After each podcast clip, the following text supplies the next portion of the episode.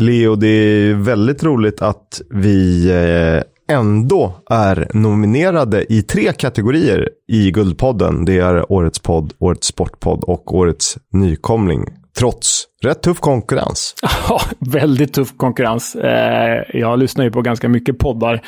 Och det finns ju väldigt mycket bra poddar där ute, så att ens nämnas i de här sammanhangen är ju väldigt glädjande. Och eh, vi har ju faktiskt inga andra att tacka för det här, för de här nomineringarna, än er, våra kära lyssnare. Tack. Så tack för det. Tack snälla, säger vi. Det här trodde man ju inte... Alltså vi har ju pratat om den här podden sen eh, 2016 och typ inte riktigt kommit igång med det för att vi tänkte att det skulle vara för smalt. Men så verkar det inte vara. Vi har en ganska smal men väldigt trogen lyssnarskara, eh, kan jag väl ändå utläsa av siffrorna. ja, ja, det kanske är så. Ja. Det är kanske så det är. Precis. Det vill säga, ni är fantastiska som, eh, som är med oss varje vecka. Ja, ja men verkligen. Utan er, ingen podd. Så är det ju. Precis så är det. Vad har hänt som, sen sist då? Nej, men förutom att jag har tvingat eh, min kära fru och mina föräldrar att rösta på oss i de här kategorierna också, så, så har inte mycket hänt sen sist. Jag har fördjupat mig i Preston North End, vilket jag kommer prata mer om senare i det här avsnittet. Det ser vi väldigt mycket fram emot, såklart. Det är, varannan vecka är rätt skön, för att man får en historielektion. Eh, och varannan vecka är lite så här, kommer ni att gilla det här? Och eh, det hoppas man, det brukar ju vara så, men eh, det är lite nerv inför varje gång man ska presentera sin veckans klubb. Ja, och ska man försöka hitta uspen med en klubb också. Men det har gått, det har gått att göra med Preston, så det, så det är jag inte så orolig över. Men vilket avsnitt var det idag? Jonas Dahlqvist gästar oss ju också. Wow, säger jag. Det är... Eh, vi, jag tycker att vi är ganska duktiga vi två, men eh, vi är inte så duktiga som när vi får en gäst som kan berätta om resor, anekdoter, arenor, klubbar, Ja, allt sånt ja. möjligt. Roligt. Och vi, vi fortsätter väl med Huaria. Jag tycker att det var lite svala kommentarer från er. Eh, men vi ger det ett par gånger till så kanske ni blir varma. Vi hoppas att ni uppskattar vår lilla quiz, vårt quiz-segment. Verkligen. Och eh, gillar ni det vi gör så bara för att återgå till det. Rösta gärna på oss i eh, eh Guldpodden om ni vill. Eller rösta på någon annan som ni tycker är bättre.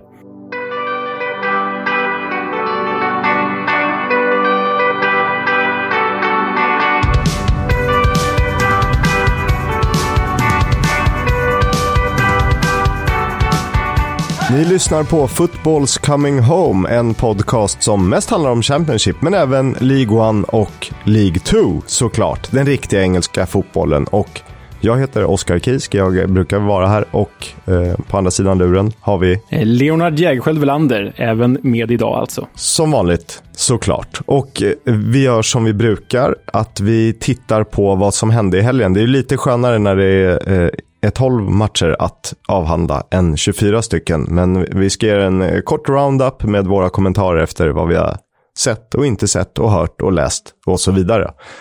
Och eh, det passar väl bäst att börja med de som är överst. De heter Bournemouth och de eh, piskade Swansea med 4-0. Det var två mål från Dominic Solanke och två mål från Jadon Anthony. och det är väl precis så här man reagerar på en förlust om man är serieledare. Dessutom ett Swansea som har sett ganska bra ut mot eh, slutet. Det har sett ut att må ganska bra. Samtidigt känner väl jag att deras typ av spel passar ganska dåligt i det här läget mot ett hungrigt och nästan lite bittert Bournemouth som eh, påeldad av Scott Parker som vill ta tillbaka sin förlustsvia, eller påbörja en ny förlustfri svit. Vi kan väl konstatera att 2-0 målet är riktigt snyggt. Och där ska vi hylla inte Leif, utan Leif Davis, eh, fick jag lära mig. Men jag tycker det är roligare att säga Leif Davis. som löpte sig till ett fint inläggsläge och hittade Dominic Solanke som en halv scissor kick, eh, alltså någon slags kvartsbicykleta. Eh, satte bollen i mål, otroligt snyggt. Och jag tycker att Kyle Norton såg rätt blottad ut. Några rätt svaga försvarsingripanden överlag från Swansea där han går bort sig gånger två i eh, en rörig försvarsinsats. Ja, alltså för de som eh, kan sin franska ligafotboll och sin portugisiska landslagsfotboll så är väl det där målet, eh, eh scissor alltså att jämföra med klassiska portugisiska anfallaren Pauleta. Han gillade att göra sådana. Så kommer ni ihåg Pauleta från Eurogoals-tiden så eh, kan ni nog tänka er det här målet också. Annars rekommenderar jag er att youtuba upp det. Det jag tänkte med den här matchen när, det, när jag såg resultat och highlights efteråt, det, det var ju att den här verkligen eh, skilde agnarna från vetet. Här var det ju verkligen ett topplag mot ett lag som vill vara ett topplag. Ja, men så är det. Och det är ju, de är så organiserade och så skickliga på att vara just organiserade mot ett Swansea som vill eh, hålla mycket i boll. Och om man kanske inte riktigt har den typen av spelare, läs Xavi Iniesta eh, eller Leon Britton och Joe Allen för den delen, så, så blir det ju såklart det finns ju stora risker när man väl tappar bollen. För det gör man ju förr eller senare över 90 minuter. Och har man då eh, Solanke mot sig och Jadon Anthony och Jamal Lowe och liknande så eh, det blir tufft. Så enkelt är det. Ja, äh, men verkligen. Men hatten av för Bournemouth som fortsätter att imponera med eh, två poäng ner till tabell tvåan Fulham. Men hela åtta poäng ner till tabell trean West Brom. Så Bournemouth, mm, Premier League hägrar. Det gör det definitivt. Eh, ett lag vi trodde skulle eh, vara i topp faktiskt vid, vid det här laget. Eh, Blades, vad händer egentligen med dem? Nej, alltså nu möter de ju Blackburn borta i Wood Park. Blackburn behövde ju hämta sig efter 0-7-slakten mot Fulham och det gjorde de ju för eh, de eh, nitade ju Sheffield United med 3-1. Och Det innebär att The Blades alltså har en vinst på de fem senaste matcherna och bara två segrar på de åtta senaste. Och Morgan Gibbs-White var ju borta ett par av de där matcherna och det känns som att eh, sen dess har han inte funnit formen och laget har fullkomligt imploderat efter den fina period de hade där ett tag. Nej, eh, fina namn, Rian Brewster, Billy Sharp, men, men det, det räcker liksom inte till och Robin Olsen kan göra alla räddningar han vill i världen, men, men det, det hjälper inte. För så bra har ju faktiskt inte han heller varit, ska det sägas. Nej, och här är lite som när Sverige spelar. Vi är ju på pappret kanske sämre än många av våra andra motståndare landslagsmässigt. Men han har ju varit den utposten han ska vara. Han har gjort de räddningarna som skiljer oss från att vara ett mellanlag i Europa till ett rätt hyfsat lag i Europa och världen, får man ändå säga. Verkligen. Men Rian Brewster då, det var hans första ligamål och det var ju eh, väldigt, väldigt snyggt. Eh, så det tycker jag ni ska kika in om ni inte redan har gjort det. Va, vad ska vi säga om Slavisa Djokanovic? Ja, men jag är väl fel person att fråga. Jag håller ju honom väldigt högt. Dels för att jag, jag vurmade väldigt mycket för det Chelsea han spelade i en gång i tiden, men framför allt för att han tränade mitt kära Fulham när, när eh, de gick upp i Premier League Eh, och då var det som vi sa i förra avsnittet, det gick ju åt helvete på hösten för Fulham och sen var de formstarkast på våren. Men frågan är om Sheffield, som vill studsa tillbaka direkt till Premier League förstås av ekonomiska skäl, har råd att vänta ut en eventuell sådan fin vår eller om de faktiskt gör sig redo för att sparka den gode serben. Det återstår att se. Jag, jag, kan tänka mig att de har tålamod, men jag vet inte hur länge de har tålamod. Eh, vi måste prata lite om eh, Blackburn då. Eh, ben Burton Diaz ser ut att vara i, eh, på målspåret igen. Och sen vill jag ju lyfta yttrarna. Reda Kadra och Ian Poveda. Eh, Kadra eh, på lån från Brighton och Poveda tillhör väl Leeds. Och det här är ju faktiskt två spelare som av det jag har sett kan vara skillnaden mellan en möjlig playoffplats och en mittenplacering.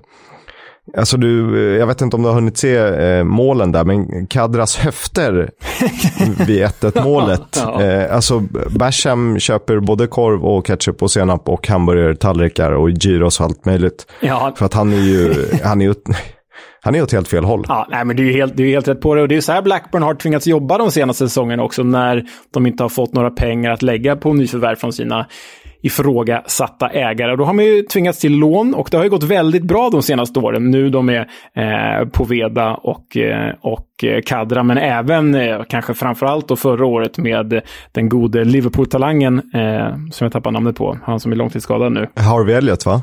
Harvey Elliot, precis, exakt. Harvey Elliot eh, eh, var ju en stor succé i Blackburn förra året, så de träffar ju verkligen rätt där och fortsätter de göra så, så ja, truppen är ju tunn förvisso, men, men så länge eh, de här eh, unga killarna kliver fram och Ben Brereton Diaz gör sina mål så, så eh, ja, då kan det bli en playoff-plats. Och du, hörru du, jag vill, eh, eh, det står inte i vårt körschema här Kisk, men jag kuppar in en sak här. Eh, vi fick ju en väldigt trevlig och rolig video från vår kära lyssnare Fredrik Montgomery, eh, som också är faktiskt vår gamla Viasat-kollega en gång i tiden. Just det. Eh, han skickade ju den här eh, väldigt roliga musikvideon till oss på chilenska fans som hyllar Ben Brereton Diaz. En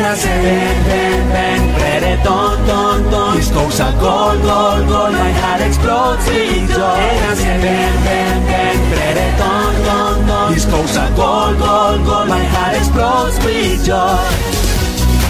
Rubens, Rubens, Rubens Vamos Chile.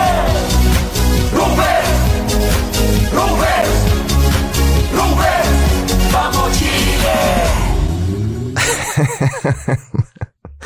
Bara det här mot slutet, eh, den här drakdansen, imitationen, Roberts. Det är ju, eh, ja det är helt, får mig att tänka på Alejandro Fuentes Bergström. Eh, och, Honom har man inte tänkt på på länge. Eh, det finns många anledningar till att tänka på Alejandro Fuentes Bergström och får vi göra det i Blackburn-sammanhang. Eh, wow, tack Fredrik för eh, tips. Fortsätt skicka in. Eh, det, vi ser inte allt, men vi försöker få med det mesta. Cardiff mötte Huddersfield. Det slutade 2-1. Eh, Huddersfield tog ledningen. Sen eh, var det en stilig vändning av Cardiff. Ett, en sen vändning mot ett eh, något vacklande Huddersfield. Kiefer Moore gånger två. Och här måste vi lyfta min personliga favorit, Alex Smithis, som jag trodde var ämnad för större uppdrag, Championship, eh, with all due respect. Men eh, lite av en favoritmålvakt som jag eh, trodde skulle bli något väldigt, väldigt stort. Han gör ju en helt otrolig räddning. Sen är det såklart eh, eh ett sånt nickläge ska resultera i mål. Men eh, ändå, han stod där. Det finns på vår Instagram, EFL-podden. Ja, men det är ju en, det är en Gordon Banks-räddning fast spegelvänd typ. Den är, ju, den är ju sanslös. Inga liknelser i övrigt, men, men eh, mycket stark. Cardiff verkar ju må bättre ändå, även om det bara gått vad är det, tre matcher bara sedan Mick McCarthy lämnade. De verkar må lite bättre i alla fall. Eh, och lite bättre kan ju faktiskt vara tillräckligt, det vet vi. Exakt. Och jag undrar om inte Smidis är en sån målvakt som skulle kunna aspirera. Jag vet inte hur gammal han är, väl i 30-årsåldern, 31 eller något sånt där. Han skulle kunna bli en målvakt som har gjort väldigt många matcher i Championship när hans karriär summeras som där 7-8 år. Ja, jag får hoppas att han håller i så länge. Coventry vann, trots att eh, Victor Gyökeres var mållös igen tyvärr. Eh, och en man mindre halva matchen. Alltså vände man 0-1 och 1-2 till seger med 3-2. Matty Godden eh, avgjorde i matchens slutskede till galna hemmafans. Otroliga limps där. Och eh, ja, Coventry smyger med bakom topptrion. Eller egentligen är de smyger med bakom West Brom, bakom toppduon får vi ändå säga. Ja, och Coventry, även om Gyökeres inte gör sina mål eh, för stunden, så har ju Coventry ett jävlar anamma och en never say die-attityd. Eh, för det känns som att de aldrig ger upp i de matcher jag ser dem spela. Till skillnad från det här då väldigt, väldigt bleka Bristol City som verkar sakna både ryggrad och själ. Eh, de, de känns ju verkligen ämnade för en bottenstrid, vilket är deppigt eftersom att jag precis, precis har beställt en Bristol City-tröja. Må så vara, så får det bli. Varför någon nu beställer en Bristol City-tröja. Men eh, Gyökeres fixar en straff i alla fall och det räknas ju på FM-språk som en målgivande passning. Så eh, all heder åt honom Eh, för det. Kul att Coventry vinner igen. Får vi se hur länge det håller. Ett annat lag som har varit där uppe och smugit lite är ju Reading. De bortabesegrade Birmingham med 2-1. Eh, och det var ju så här. Birmingham hade tre raka segrar inför matchen mot Readings fyra raka förluster. Och det är då man vet i The Championship precis hur det ska sluta. Alltså precis tvärtom mot vad formkurvan säger. Scott Hogan, stabil, eh, stabilt ledningsmål eh, när han gav eh, Birmingham ledningen då. Och nog hade Birmingham kunnat utöka innan paus, men Reading tog över taktpinnen och 18-årige Jamari Clark, verkligen en spelare att hålla koll på framöver, löste både 1-1 och 2-1 för gästande Reading. Hans första två professionella fotbollsmål, eh, så säger man väl inte på svenska, men seniormål då. Och eh, han blev dessutom inbytt i paus, så hatten av till Jamari Clark spelare att hålla koll på. Ja, verkligen. Jag hade ju, jag ska vara ärlig, knappt hört talas om honom innan det här. Så det, det är ju verkligen ett rubriknamn att sätta tänderna i. Han kanske återkommer i eh, vårt halvt återkommande segment eh, Remember the Name, men inte i det här avsnittet. Det gör det inte. Vi har, vi har inte tid för vi har så många bra gäster på gästlistan. Exakt. Barnsley Hall 02. Rejält ångestbottenmöte och det är sånt här jag gillar som, som bäst. Eh, Hull bortaslår alltså Barnsley med 2-0. George Honeyman, tidigare Sunderland-profil, och Keen Lewis Potter, mannen med tre efternamn, eh, blev målskyttar när The Tigers tog tre oerhört viktiga poäng. Eh, men det här är väl nog mer så att det är bevis på hur dåliga Barnsley är för tillfället och inte liksom något uppsving för Hull. Hull känns, trots spelare tillbaka från skada, känns också bottenlöst dåliga, bara att de råkade vinna den här fighten. Ja, det här var ju, tittar man tabellen och hur det har sett ut så var det här definitionen av ett ångestmöte och eh, att någon av de här två klubbarna skulle återses i League One nästa säsong känns ju inte som att man vinner några stora pengar på. Nej, nej det är nog 1,01 att åtminstone en av dem spelar där. Så är det. Luton Stoke 0-1 och där lyfter väl eh, Jacob Brown som blev eh, matchvinnare och som fortsätter att imponera när ligafemman Stoke befäste sin playoff-plats med tre starka poäng på Kenilworth Road. Alltid svårspelat där. Ja, men Stoke och framförallt Jacob Brown får man nästan säga stått för ett slags, slags genombrott. Stoke är ju väldigt namnkunnig trupp eh, här på Championship-nivå och ändå har han överglänst sina medspelare som, som eh, Steven Fletcher och Leo Östigård och Joe Allen och allt vad de heter. Så ja, bra jobbat Jacob Brown. Nick Powell har ju varit skadad eh, senaste tiden och får de fart på honom igen med de du nyss nämnde så eh, ja, playoffplats. Absolut inte omöjligt. Kanske till och med troligt. Verkligen. Och så matchen vi pratar om i omgången som kommer om Millwall Derby 1-1. Eh, relativt målsnålt, precis som jag trodde. Och Derby är väl glada för alla poäng de skrapar ihop. Men eh, några kryss klarar man sig inte kvar på. Eh, det räcker ju inte till överlevnad. Eh, alltjämt fem poäng bakom Barnsley. Ja, nej, alltså Derby behöver ju börja vinna matcher och vinna flera matcher. Och även om Rooney gör ett imponerande jobb med, med kryss här och där och någon seger här och där så, så eh, är det ju liksom klubbens existens det handlar om i första hand och överlevnad i den här serien i andra hand. Så, så ja, vi får se vart, vartåt det barkar för kära Derby som man håller mer och mer tummar för för varje vecka som går. Jag i alla fall.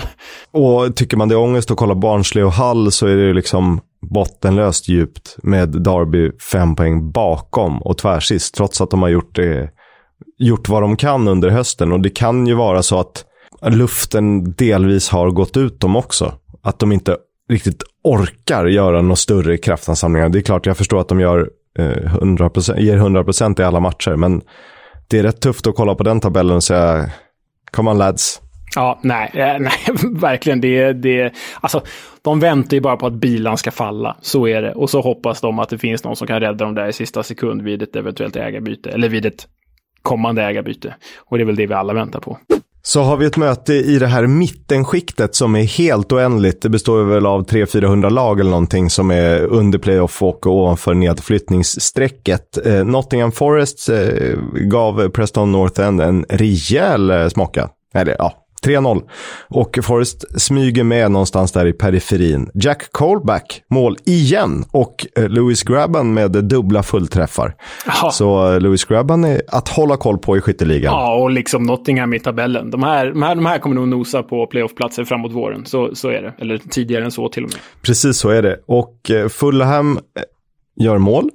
De gjorde ett mål och vem brukar göra mål om Fulham gör ett mål? Jo, han heter Alexander Mitrogol Mitrovic. 20 mål på 17 matcher. Hej och Ja, det var ju faktiskt, jag såg ju den här matchen ska det sägas och eh, oväntat svårt bort mot Peterborough då. Porsche eh, verkar ha fått ihop ett lite tajtare spel än i början av säsongen och gav faktiskt Fulham en del svårigheter. Men Fulhams trupp är ju liksom inte bara en, två, utan tre, fyra, fem gånger bättre än Porsche på varje position. Så att eh, Fulham vann till slut var väl inte så konstigt. Nesken Skebano, vår favorit, framspelare, igen. Verkligen, han, han smyger med i assistligan. Och på tal om det, eh, vi kan väl stanna upp och eh, dra en kort eh, kring skytteligan. Vem som leder, ja det vet ni, för att han heter Mitrovic och han har gjort 20 mål på 17 matcher. Eh, bakom där delad andra, andra plats är ju Ben Brereton Diaz, Dom Solanke, båda 13 mål. Mm. Sen har vi ju Jöken då som ligger kvar på sina nio mål, men han ligger fyra ändå, trots allt. Det säger ju rätt mycket om hans säsongsinledning. Delar fjärdeplatsen med Joel Pirou från Swansea. Och sen har vi då på delad sjätteplats Adebayo från Luton, Colin Grant, West Brom, Lewis Grabban och Jonathan Swift. Nottingham respektive Reading där och alla på åtta mål. Och så har vi då assistligan. Eh, Huddersfields Sorba Thomas som Kisk presenterade så fint för ett par avsnitt sedan. Eh, han leder ju alltjämt med åtta framspelningar före Cardiffs Ryan Giles och Jonathan Swift i Reading som har sju assister var. Och så Billy Sharp och Harry Wilson, båda på sex målgivande passningar, delad fjärde plats alltså. Och sen har vi en drös med härliga spelare. Det är Ryan Christie samt Fulham-trion. Eh, Bobby Reed, Nesken Skebano och Mitrovic då. Callum Robinson, West Brom, Jed Wallace, Millwall. Alla de har fem framspelningar hittills. Och nu tar vi den här härliga kategorin flest mål och assist från en och samma duo. Då. Eh, och det är faktiskt så att Callum Robinson har spelat fram Carlan Grant fem gånger och det är i särklass. Sen eh, slängde jag med här de bubblarna över spelare som har gjort flest mål per 90 minuter. Och eh, ja, ni vet ju vem som toppar, men två på den listan, Matt Godden, eh, 0,94 mål per 90 minuter. Alltså nästan mål varje full match han spelar. Och sen har vi femma Shane Lavery, 0,76 mål per 90 minuter. Shane Lavery, den gode nordirländaren som kom från Linfield va, till Blackpool inför säsongen. Kul att han gör avtryck. Sen skulle jag lite snabbt bara kika igenom målvaktskategorin och vi ska inte dra för stora växlar riktigt än, för det kan ju också bero på ett lags form. Men sedan Paolo Gazzaniga, min favorit, petades i fulla målet har Marek Rodak stått i sex matcher om jag räknar rätt. Han har en räddningsprocent på 92,3, vilket är smått otroligt och bäst i ligan. Han har en hållen nolla-procent på 83,3, vilket är etta i ligan. Och han har insläppta mål per 90 minuter 0,17. Han är naturligtvis etta även i den kategorin. Ja.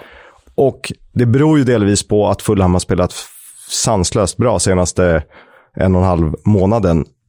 Men det kanske är någonting här. Ja, nej men det, det är form, Fulhams formtopp och Rodaks inträde i buren. De, de hänger ihop. Sen om det är liksom en direkt korrelans eller en indirekt korrelans, det låter jag vara osagt. Men, men eh, absolut är det så. Och så länge de spelar så här bra och så länge försvaret faktiskt är bra för en gångs skull i Fulham så, så ska de ju behålla den gode slovaken i buren. Få hålla Gazzaniga borta ett tag till. För inget behöver betyda att Rodak är bättre målvakt eller att han är bättre med den här backlinjen. Men ibland kan det vara så enkelt att för ett fungerande lag lag som inte fungerar för stunden så kan en liten förändring göra väldigt mycket. Ja, ja, verkligen. Och det har det uppenbarligen gjort här. Så får vi se hur långt det räcker framöver.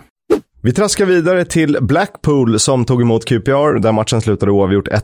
Chris Willock med en riktigt vacker curlad pärla till ledningsmål. Eh, Medin utökade från straffpunkten. Och jag måste säga av det jag såg, Ilias Shahir fortsätter att vara både viktig och underhållande och sevärd och allt vad du vill. Kan absolut vara med i diskussioner om säsongens mittfältare. Ja, nej, men han är ju... Han är ju Adel Tarabt fast utan samma slutprodukt har vi sagt förut. Men en extremt underhållande figur. Eh, riktigt älskvärd. Känns ämnad för lite större scen att bjuda på sitt artisteri. Ja, och om full, eller Fulham, om QPR är kvar i Championship så känns det som att han eh, skriver på för en Premier League-klubb nästa säsong. Lite sådär Said Ben Rama i West Ham som fick tid och tid i Brentford. Och alltså att man hade tålamod med honom. Det kanske är lättare i West Ham än i Chelsea till exempel.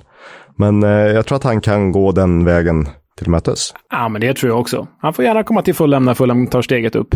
När, inte om. Wow, Leo. Det här var ju jinxarna stinks. Det här klipper vi ut. Superjinx fan också, när du kört. Slutligen då, West Brom Middlesbrough 1-1. Eh, Baggis tappar mark i toppen och de har ju varit lite upp och ner senaste tiden. Josh Coburn satte 1-0 målet för Borough och Grady Diangana kvitterade. Och vi kanske ska kika till tabellen lite kort. Mm, kan väl dra topp och botten i alla fall. Vi har ju då Bournemouth på 40, tätt skuggade av Fulham på 38 poäng. Och därefter följer ju West Brom 3 med 32 pinnar, Coventry 4, 30, Stoke och QPR upptar de sista playoffplatserna med 28 respektive 26 poäng. Och Blackburn har samma poäng som QPR, sämre målskillnad på en sjunde plats då alltså. Sen har du ju ett, går man ner från liksom QPR som är sexa till tolfte platsen där Swansea är, då skiljer det bara tre poäng. Och kollar du nästa sjok då, Nottingham på 13 plats, 22 poäng, ner till Bristol City som har tagit 19 poäng på 19 plats. Ja. Så det är ganska stora sjok med lag. Ja, nej, det är ju, det är ju förbaskat tätt och det är därför vi älskar den här serien. Lite, lite, lite bortkopplat i, i botten, vad blir det, botten fem va? Cardiff och neråt. Cardiff, Peterborough, Hull, Barnsley, Derby. Där framförallt Derby har det tungt som tabelljumbo.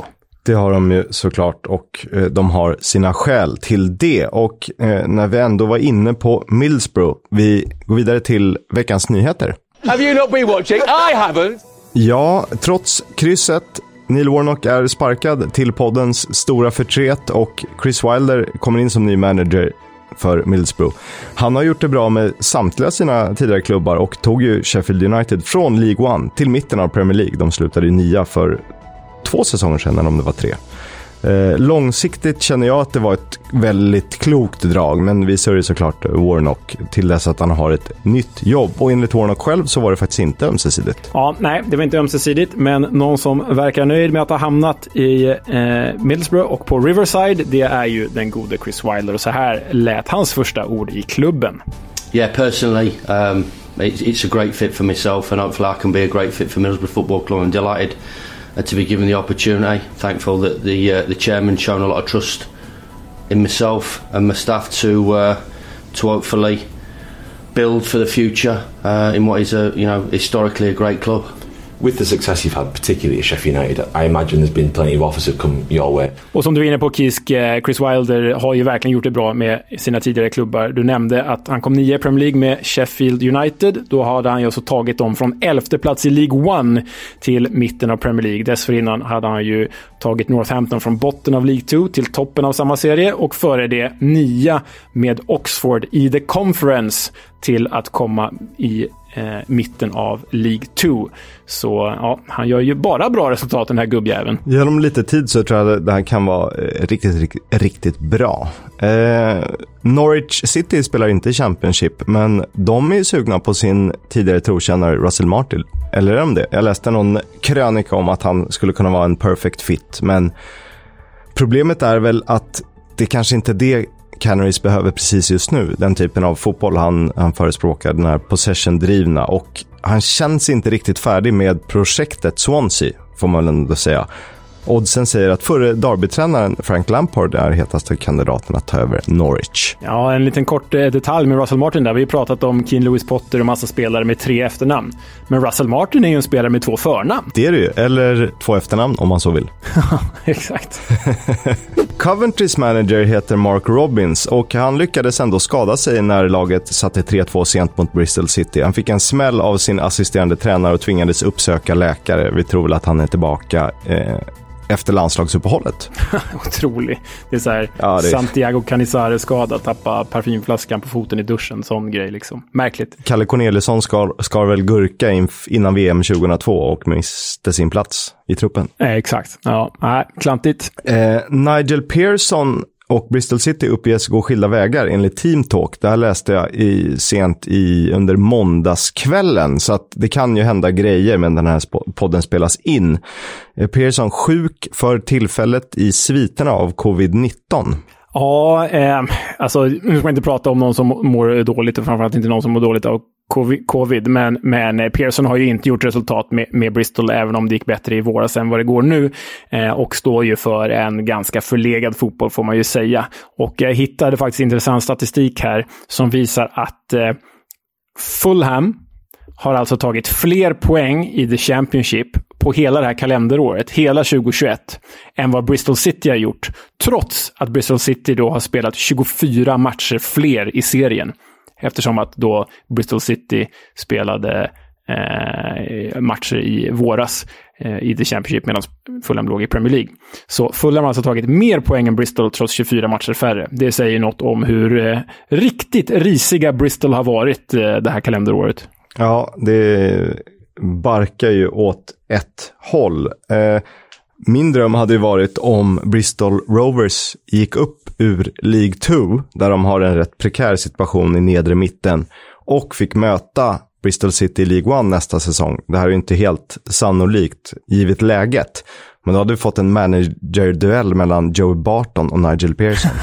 ja, det var ett jävligt lurigt, jävligt stök. Och eh, vi har ju fått frågan om vi inte ska prata mer League 1 och League 2. Självklart ska vi göra det och vi kan väl säga den här veckan har vi gäst, men nästa vecka finns det lite utrymme i och med att vi inte det finns så mycket intressant att summera. Eller jo, det gör det men ur ett Championship eller IFL-perspektiv så är landslagssamlingarna lite av ett tomrum.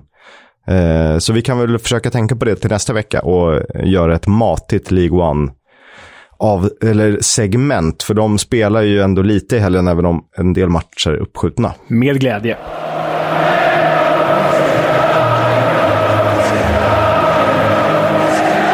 Footballs Coming Home sponsras av Stryktipset, ett spel från Svenska Spel, Sport och Casino. För dig över 18 år. Stödlinjen.se. Veckans hetaste kupongbatalj idag? Jo, eh, Portugal-Serbien söndag 2045. Och det handlar inte om matchen. Och det handlar inte heller om Cristiano Ronaldo. Det handlar såklart om Englands hetaste anfallare Aleksandar Mitrovic. 20 mål på 17 matcher och naturligtvis med i den serbiska VM-kvaltruppen. I tuff konkurrens med Dusan Vlahovic och Luka Jovic så återstår det att se hur mycket speltid han får. Men klart är att han kommer göra något av sina minuter. Vår gode Mitrogol. Och eh, här vill man också skicka med ett tips till helgen. Eh, Tv-sända matcher. Ni kan ju googla själva hur ni hittar dem. Men eh, lördag 13.00 Port Vale, Bradford, klassikermöte i League 2. Och sen på lördag klockan 16 så möter Ipswich Town Oxford United.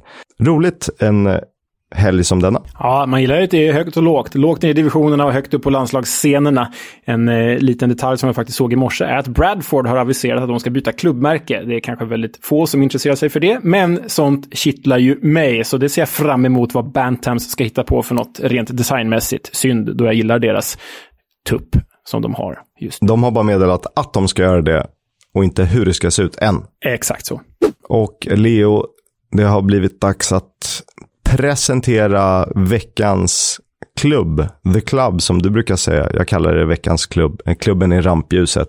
Den här veckan får ni Preston North End. Well, it's Saturday at five to three. I'm rushing to the ground. I need my weekly football fix, and so I'm deep Dale bound. Alan Kelly Town and meat pie in hand. I'm going from watch the best team in all the land, and I've got for say it, we love you, PNE.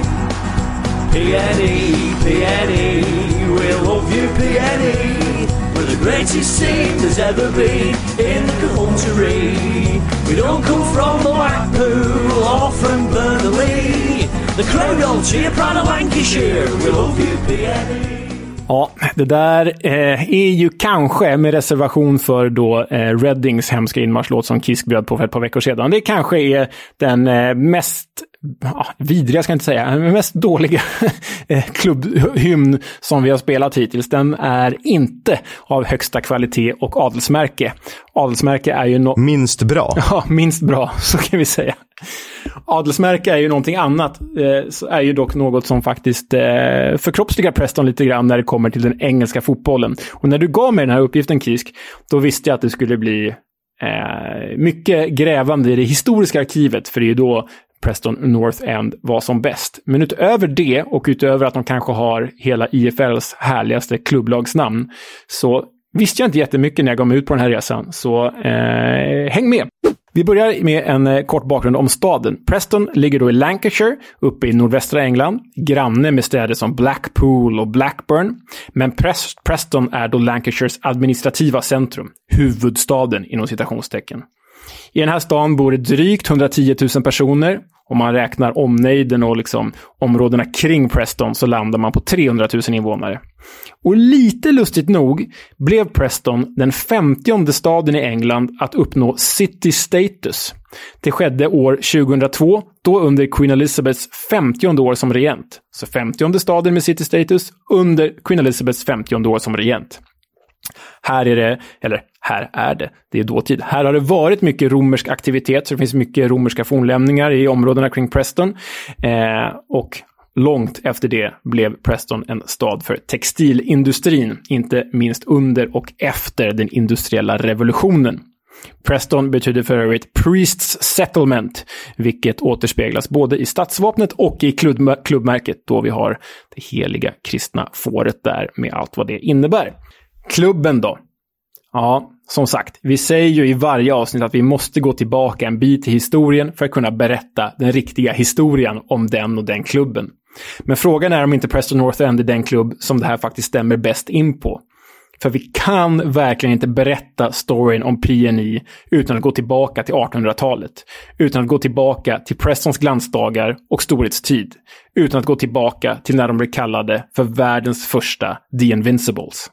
Preston grundades inledningsvis som en cricketklubb 1863 och det var först när föreningen flyttade norrut till Moore Park som ändelsen North End tillkom. Idag är den här delen av stan inte norr om staden utan det är faktiskt bara en del, det är faktiskt bara en del av centrala Preston. Norra delen av centrala Preston, så kan vi säga.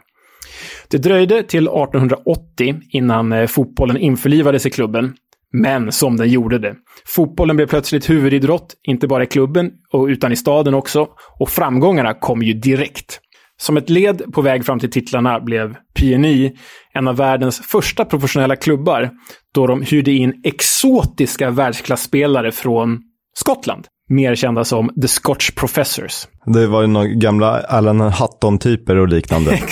verkligen så. Verkligen den typen av spelare. Darren Fletcher-figurer som kom ner och skojade med engelsmännen. Trots det var klasskillnaden enorm och 1887 så slog Preston North End Hyde med 26-0 i FA-cupen. Än idag den största segern i turneringens historia. Och då gjorde skotten Jimmy Ross 8 mål i matchen och 19 mål i turneringen totalt den säsongen. Och det är ett rekord som lever än idag det också. Förstå hur många mål Mitrovic hade gjort. 200 baljor fan. Preston blev en av ligans första grundare och därefter även ligans första mästare. Säsongen 1888-89 så kröntes Preston till mästare. Samma år vann de även FA-cupen, vilket innebar att de blev Englands första dubbelmästare. Och det gjorde de dessutom som obesegrade. Därav smeknamnet The Invincibles. Än idag den enda klubb som gått helt obesegrade genom en hel säsong, alla tävlingsmatcher i eh, ja, alla turneringar då. Så hatten av Preston North End. Wow. Wow. Efterföljande år vann Preston ligan igen, alltså säsongen 89-90, 1889-1890. Men efter det så uteblev de stora titlarna. Preston var förvisso ett topplag ganska länge, men de såg sig besegrade av andra föreningar som Aston Villa och liknande, då den professionella fotbollen breddades och skottar kom ner till flera andra klubbar, inte bara till Preston. Nästa stora titel kom på 30-talet. 1938 vann Preston North End med en viss Bill Shankly i laget. FA-cupen efter 1-0 mot Huddersfield i finalen. Now for the cup final at Wembley and the familiar scene of Mr Radcliffe conducting the community singing of Abide With Me by 93,000 spectators.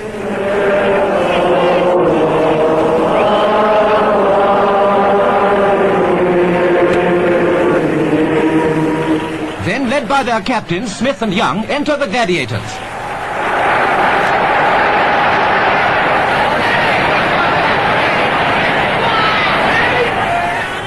The king has come to see the match, and the great multitude of his subjects greet his majesty with the national anthem.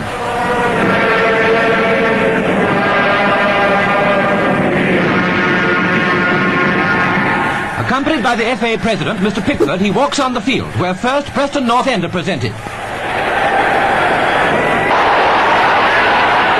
Many have abandoned hope of a goal, and a replay begins to look like the only result when the last-minute drama occurs. Much, the ball at his feet, is going to shoot when Young tackles. Much falls, and a penalty is given by Mr. Jewell. But before showing that, Movietone repeats the incident for you in stop motion.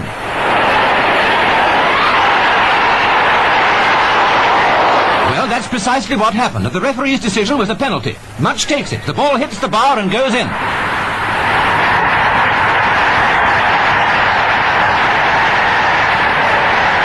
Few seconds later, it's time, and Preston North End have won the cup. Smith, leading the Invincibles up to the royal box, now enjoys his great moment of triumph as His Majesty presents the trophy, the Queen distributing the medals.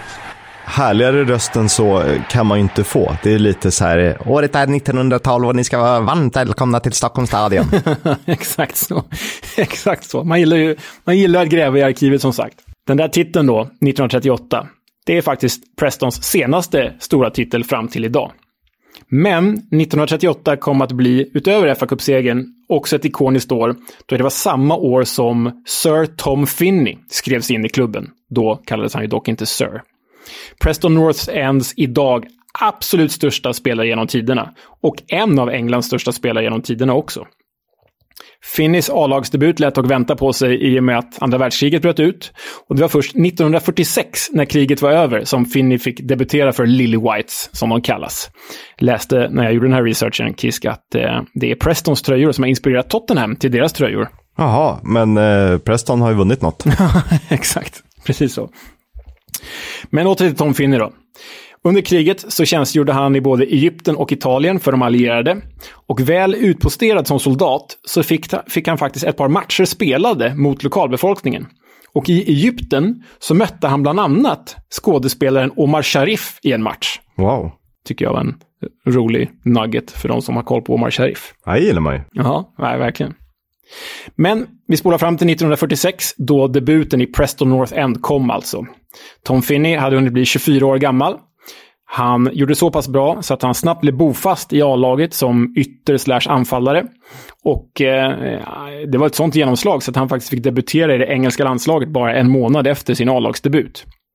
I landslaget blev det mål direkt i en 7-3-seger mot Nordirland i vad Finney själv beskrev, så, beskrev som “the proudest moment of my career”.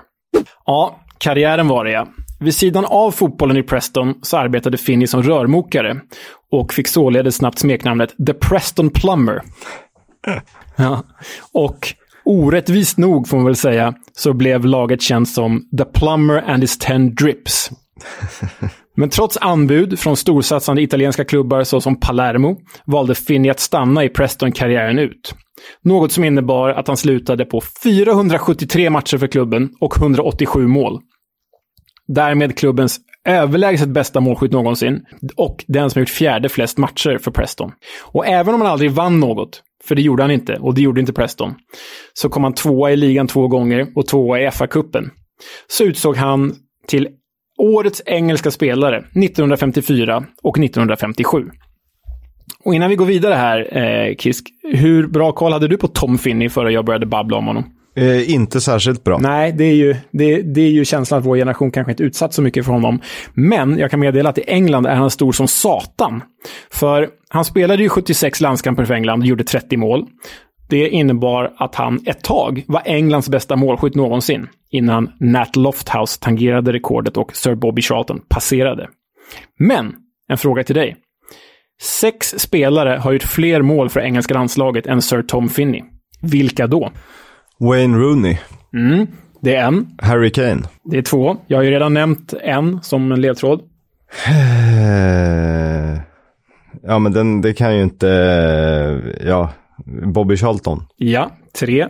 Har du tre kvar? Eh, ja, eh, jag bara tänker vilka som har gjort rätt mycket. Gary Lineker förstås. Absolut. Fyra. Det var ju kanske de lätta. Alltså det finns ju några slamkrypare som skulle kunna ligga på 31 mål eller på 25 mål. Men England hade ju lite svårt med målskyttet där fram till Rooney får man väl ändå säga. Har vi, har vi, om vi tänker 70-80-tal då? Det är väl kanske inte där jag är som starkast. Om jag är stark någonstans. Du kan få en ledtråd. Ena spelaren eh, var aktiv på slutet av 50-talet och framförallt på 60-talet. Och andra spelaren var aktiv eh, från VM 98 och framåt kan vi väl säga. Michael Owen. Michael Owen. Ching ching, då har du bara en kvar.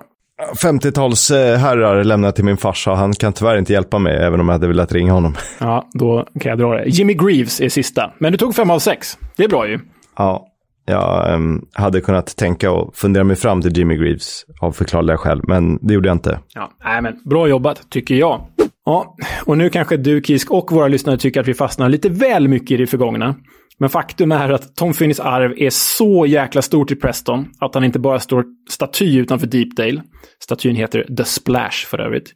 Utan han omnämns av många som världens bästa spelare någonsin. Inte bara Englands bästa spelare någonsin, utan världens bästa spelare någonsin. Lyssna här bara. Först Bill Shankly. Let's talk about natural players. Who is the greatest player you saw? Tom Finney. He's the greatest player I ever saw you. Yeah. Och nu Sir Bobby Charlton. Tommy Finney. One of, one of the, the great players, arguably the great, some people would say the greatest player that, that's ever been. Harry Redknapp måste ju få med att tycka till. He was a perfect gentleman, an amazing player, could play wide, play through the middle. Absolutely unbelievable. Och sen då en härlig trio i form av Scott Parker, Roy Hodgson och Sir Alex Ferguson. One of England's finest. The greatest players this country's ever produced. Everyone recognises the contribution made to Preston North End and to England as a footballer. Det var ju inte blyga lovord ändå. Och man älskar ju att gräva i arkivet och hitta de här spelarna som borde varit de största eller kunde ha blivit bäst. Och jag tycker ändå att det är rätt att bygga upp en klubb kring en person. I, där det finns läge. Ibland kan det vara en ägare, ibland kan det vara en spelare. För här är ju någon som personifierar Preston som de var då och som ändå satt dem på kartan till viss del. Ja, äh, men verkligen. Och, och det är som du säger och som ni hörde i de här klippen. Han, han var ju så bra så att han adlades för sina bravader och är extremt djupt fastetsad i den engelska fotbollssjälen har jag förstått. Även långt utanför Preston. Sir Tom Finney avled 2014, men hans minne lever uppenbarligen kvar. Men okej, okay, nu har vi varit väldigt baktunga. Preston North End i modern tid då? Vad har hänt? Nej, nah, inte så mycket. Preston åkte nämligen ur högsta serien våren 1961. Blott ett år efter att Sir Tom Finney lagt skorna på hyllan. så, så stor betydelse hade han tydligen. Um, och sen dess, sen 1961, har Preston North End faktiskt inte återvänt till högsta serien. Istället har det blivit en myriad av upp och nedflyttningar mellan andra, tredje och fjärde divisionen. Och det är det som är lite roligt. Man, jag ser ju som Preston som de första mästarna. Och jag tror att ganska många som tittar engelsk fotboll har bilden av Preston som första mästarna. Ja, men verkligen. Och om vi spolar fram då till åren runt millennieskiftet, då en rödlätt skotte skulle göra sig ett namn som tränare i Preston North End. David Moyes hade nämligen spelat för klubben mellan 1993 och 1999. Men de behövde nytt blod på tränarbänken och in klev då spelande tränaren Moyes. And uh, I remember when, when uh, Brian Gray had told me that he would like me to take the job, I said, I don't know, because the supporters were desperate. I remember the papers were full of Ian Rush and Joe Royal for the manager. And in truth, they didn't want, want me as manager. And, and that was the way it was, and quite rightly so, probably at the time. Det är roligt för att eh, eh, det är rätt ofta det blir, det var många spelare som folk kände, ja ah, han kan göra ett bra jobb på tränarbänken så att passa på när du ändå inte spelar så mycket längre. det var ju, var ju lite så liksom, ah, ta nu, kör nu Moise, vi behöver någon som kan fotboll. Men Moyes tog över tränarsysslan 1998 och då var Preston en nedflyttningskandidat i Division 2, alltså motsvarande League 1 idag, tredje divisionen. Många siffror där, många olika siffror. Han lyfte dem till femte plats i Division 2 under sin första säsong och året därpå vann de serien. Således uppflyttade till gamla The Championship, Division 1. Och där lotsade han dem till en fjärde och en åttonde plats innan Everton kallade. Men Moyes inte den enda stora profilen som har varit i Preston i modern tid. This was the manager we went to watch uh, Manchester United reserves. They were actually playing Aston Villa at Walsall. And Dave, we went down to see David Beckham playing in the reserves with a view, would he join? I was playing in the team, we were doing really well in the league. And uh, I came away saying to Gary Peterson, no, don't fancy him, he's not strong enough for the league. but Gary, good judgment, took him. And uh, then uh, he came and he was brilliant for a mm. month, not only as a football player but as a person. He was terrific. David Beckham, ja. Jo, han anlände på lån till Preston North End säsongen 1994-1995 och fick känna på regelbunden speltid även om han var uppenbarligt nervös över flytten. It worried me, to be honest, at first. Um, because like, the manager came up to me and it was like, do you want to go on loan? And when I used to hear players were going on loan, I used to think, oh, obviously they don't rate them. And they, but it was the manager got me in and said, look, it'll do you good. Go there, get a bit of experience, get a bit of first team, you know, football in the in the league, and Honest. Beckham spelade bara på Deepdale i en månad, men blev älskad efter sina två mål på fem matcher. Varav Beckham, sjukt nog, håller det ena målet väldigt, väldigt högt. Another one of my favourite goals, um, I'm sure people will be a little bit surprised, was uh, a free kick that I scored for Preston. I can't remember who it was against, but I remember Terry Erlock playing in the game, and I stayed away from him uh, all game. Uh, for obvious reasons. But uh, I scored a free kick in that game, and you know that was a it was a, a different time in my career and a special time. When I look back on it, it was a month where you know I'd gone on loan to Preston, and uh, you know I was worried about my career at Manchester United, but. Um, you know, I scored a, a, a good free kick and uh, that's, that's, that's my favorite, other favorite goal. Men nummer fyra på ryggen, bara en sån sak.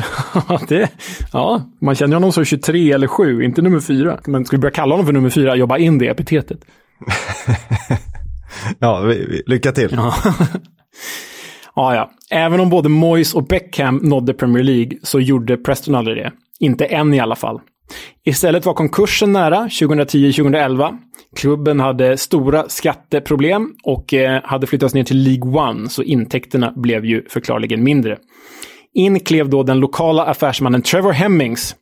Eller in och in, han hade ju redan haft eh, eh, en fot i klubben sedan 70-talet och investerat en del. Han var redan delägare. Men då blev han majoritetsägare. Han räddade klubben, löste skatteproblemen, löste den finansiellt svåra situationen och räddade klubben undan konkurs. Och under hans styre så återvände Preston till The Championship 2015 efter att ha besegrat Swindon med 4-0 i League Ones playoff-final. And it's Jermaine Beckford who's through again. Surely he will complete his hat-trick this time. It's a tight angle, but he scores!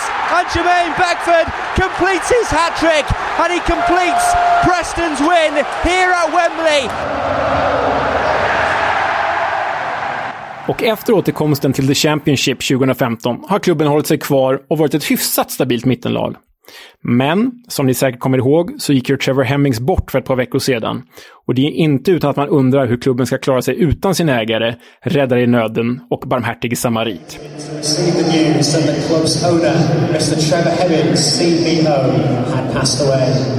Having joined the club's board in 1973, he has been involved in Dingdale for almost five decades. We are joined today by a huge number of his family, friends, and many people whose lives he touched during his very full 86 years. Preston North End captain Alan Brown has placed one of his iconic flat caps on the centre circle, and now please can you all, where you can, be upstanding and join us in celebrating his life with a minute's applause,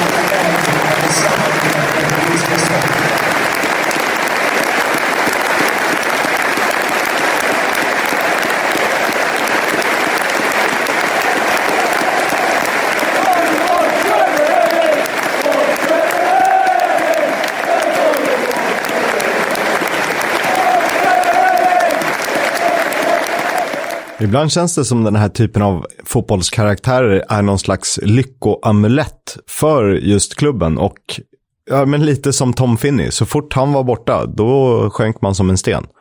Vi får eh, hoppas för Pinis skull att de slipper det här nu när Trevor Hemmings har seglat vidare. Ja, verkligen. Man blir ju, det är ju så speciellt när man läser på, när man liksom går in så hårt för en klubb så börjar man, i alla fall jag, känna lite för dem. Så nu säger jag, okej, nu kommer jag hålla tummen för Preston i nästa omgång och sen kommer vi glömma bort det. Men ja, man önskar ju eh, Preston all lycka även efter Trevor Hemmings eh, död. Det, du som redan håller på en rad olika fotbollsklubbar runt om i världen, det är jobbigt när vi gör de här segmenten eftersom vi får tolv nya favoritklubbar var. Ja, exakt. Det är faktiskt riktigt jobbigt. Tror du att Jonas Dahlqvist har varit på deep date? Det har han säkert. Vi får lov att fråga honom.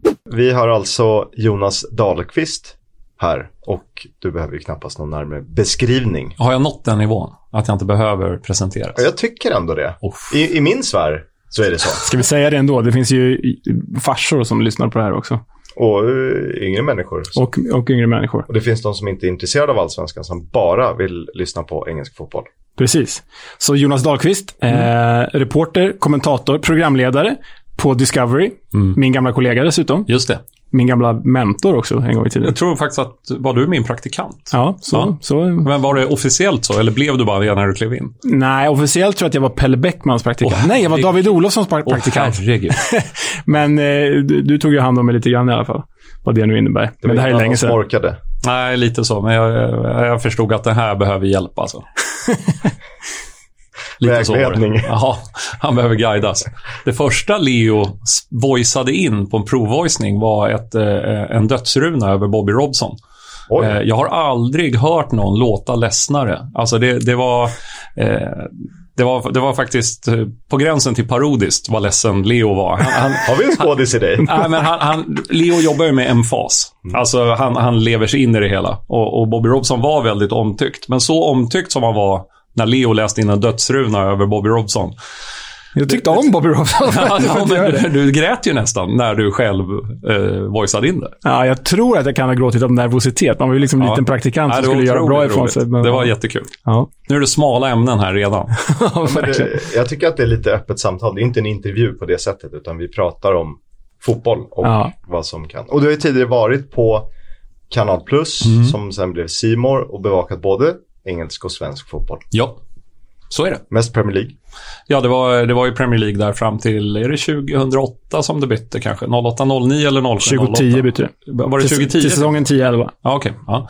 Eh, så länge var det. Eh, och jag jobbade ju där från 2002, så jag hade ja, sju, sju år då med, med eh, Premier League. Jag veckopendlade till England. Eh, Men du har inte bott i England?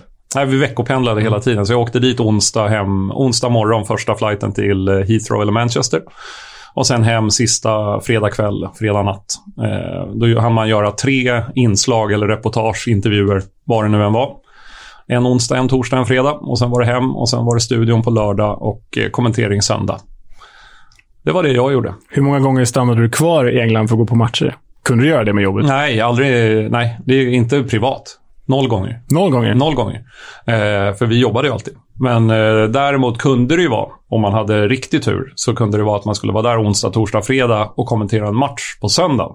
Eh, om det var en bra match en söndag. Då fick man ju lördagen och kanske eh, passade på att gå på någon eh, match. Men det var, det var en handfull gånger.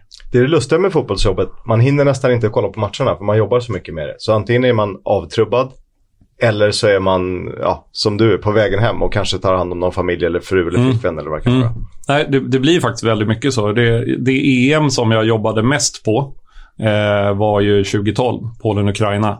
Eh, där jag jobbade hela tiden. Det är också det EM jag har överlägset sämst koll på. Av alla, eftersom jag följde England där. Eh, och vi var ju så inne i det. Eh, det var jag och Stuart Baxter och en fotograf som heter Mange Andersson. Eh, och då är du ju inne i din jobbbubbla och jobbsfär. Liksom. Det här ska göras. Det var inte så att man hann titta på de andra matcherna riktigt, utan då var vi ute och gjorde andra saker. Så att när man jobbar med, med det man jobbar med har man en jäkla koll på. Eh, så får man släppa det andra. Det låter ungefär som alla jänkare kring allt i hela världen. Ja, exakt så. Ja, exakt så. Men man blir amerikan. Ja, men då vet jag. Ja, då vet jag, ja, då vet jag. Ja. Men, ja, sådär, sådär. Men du, ehm, om vi ska bara sammanfatta det här, vi börjar väldigt brett. Engelsk fotboll, Mm. vad är det för dig? Att det, började, det var där det började. Tips extra, farsan somnade för han var trött. Eh, exakt 16.00 på lördagar. Eh, för då hade han jobbat en vecka. Fick man sitta där och titta på matchen. Jag tror att han, alltså plinget hade nog en sövande effekt på honom. Han har aldrig sett en hel engelsk ligamatch. Eh, någonsin. Eh, och det var ju mysigt. Man var, det, det var då man kom hem och tips extra på den tiden. Jag är född 76 så att det här är från mitten, ja, början, mitten 80-talet. Eh, hade ju flera miljoner tittare. Alltså sådana siffror som man idag förknippar med, med Mello. Och mästerskapsfinaler. På Ja, det, det var liksom varje vecka. Eh, Så det här var ju mer än en folkrörelse då. Eh, Och man fick väl inte tippa innan man var 18 då heller, men det fick man göra hemma hos mig. Eh, Så satt man där med en eh, 12 kronors stryktipsrad och, och satt och tyckte att livet var toppen och så gjorde Ian Rush mål. Eh, Förutom nej. Ian Rush, vilk, kommer du ihåg någon sån här lag? Min första match var Blackburn mot Derby. In, nej, inte som, jag kommer inte ihåg det första jag såg på tv. Det kommer jag inte ihåg eh, alls. Däremot så är det ju Ian Rush. Det var så mycket Liverpool där. Så att det var ju den, den generationens eh, spelare i Liverpool som var jäkligt bra. Och sen var ju Arsenal var väl okej. Eh, men, men det, var, nej, det var Liverpool som, jag tror de visades oftast också.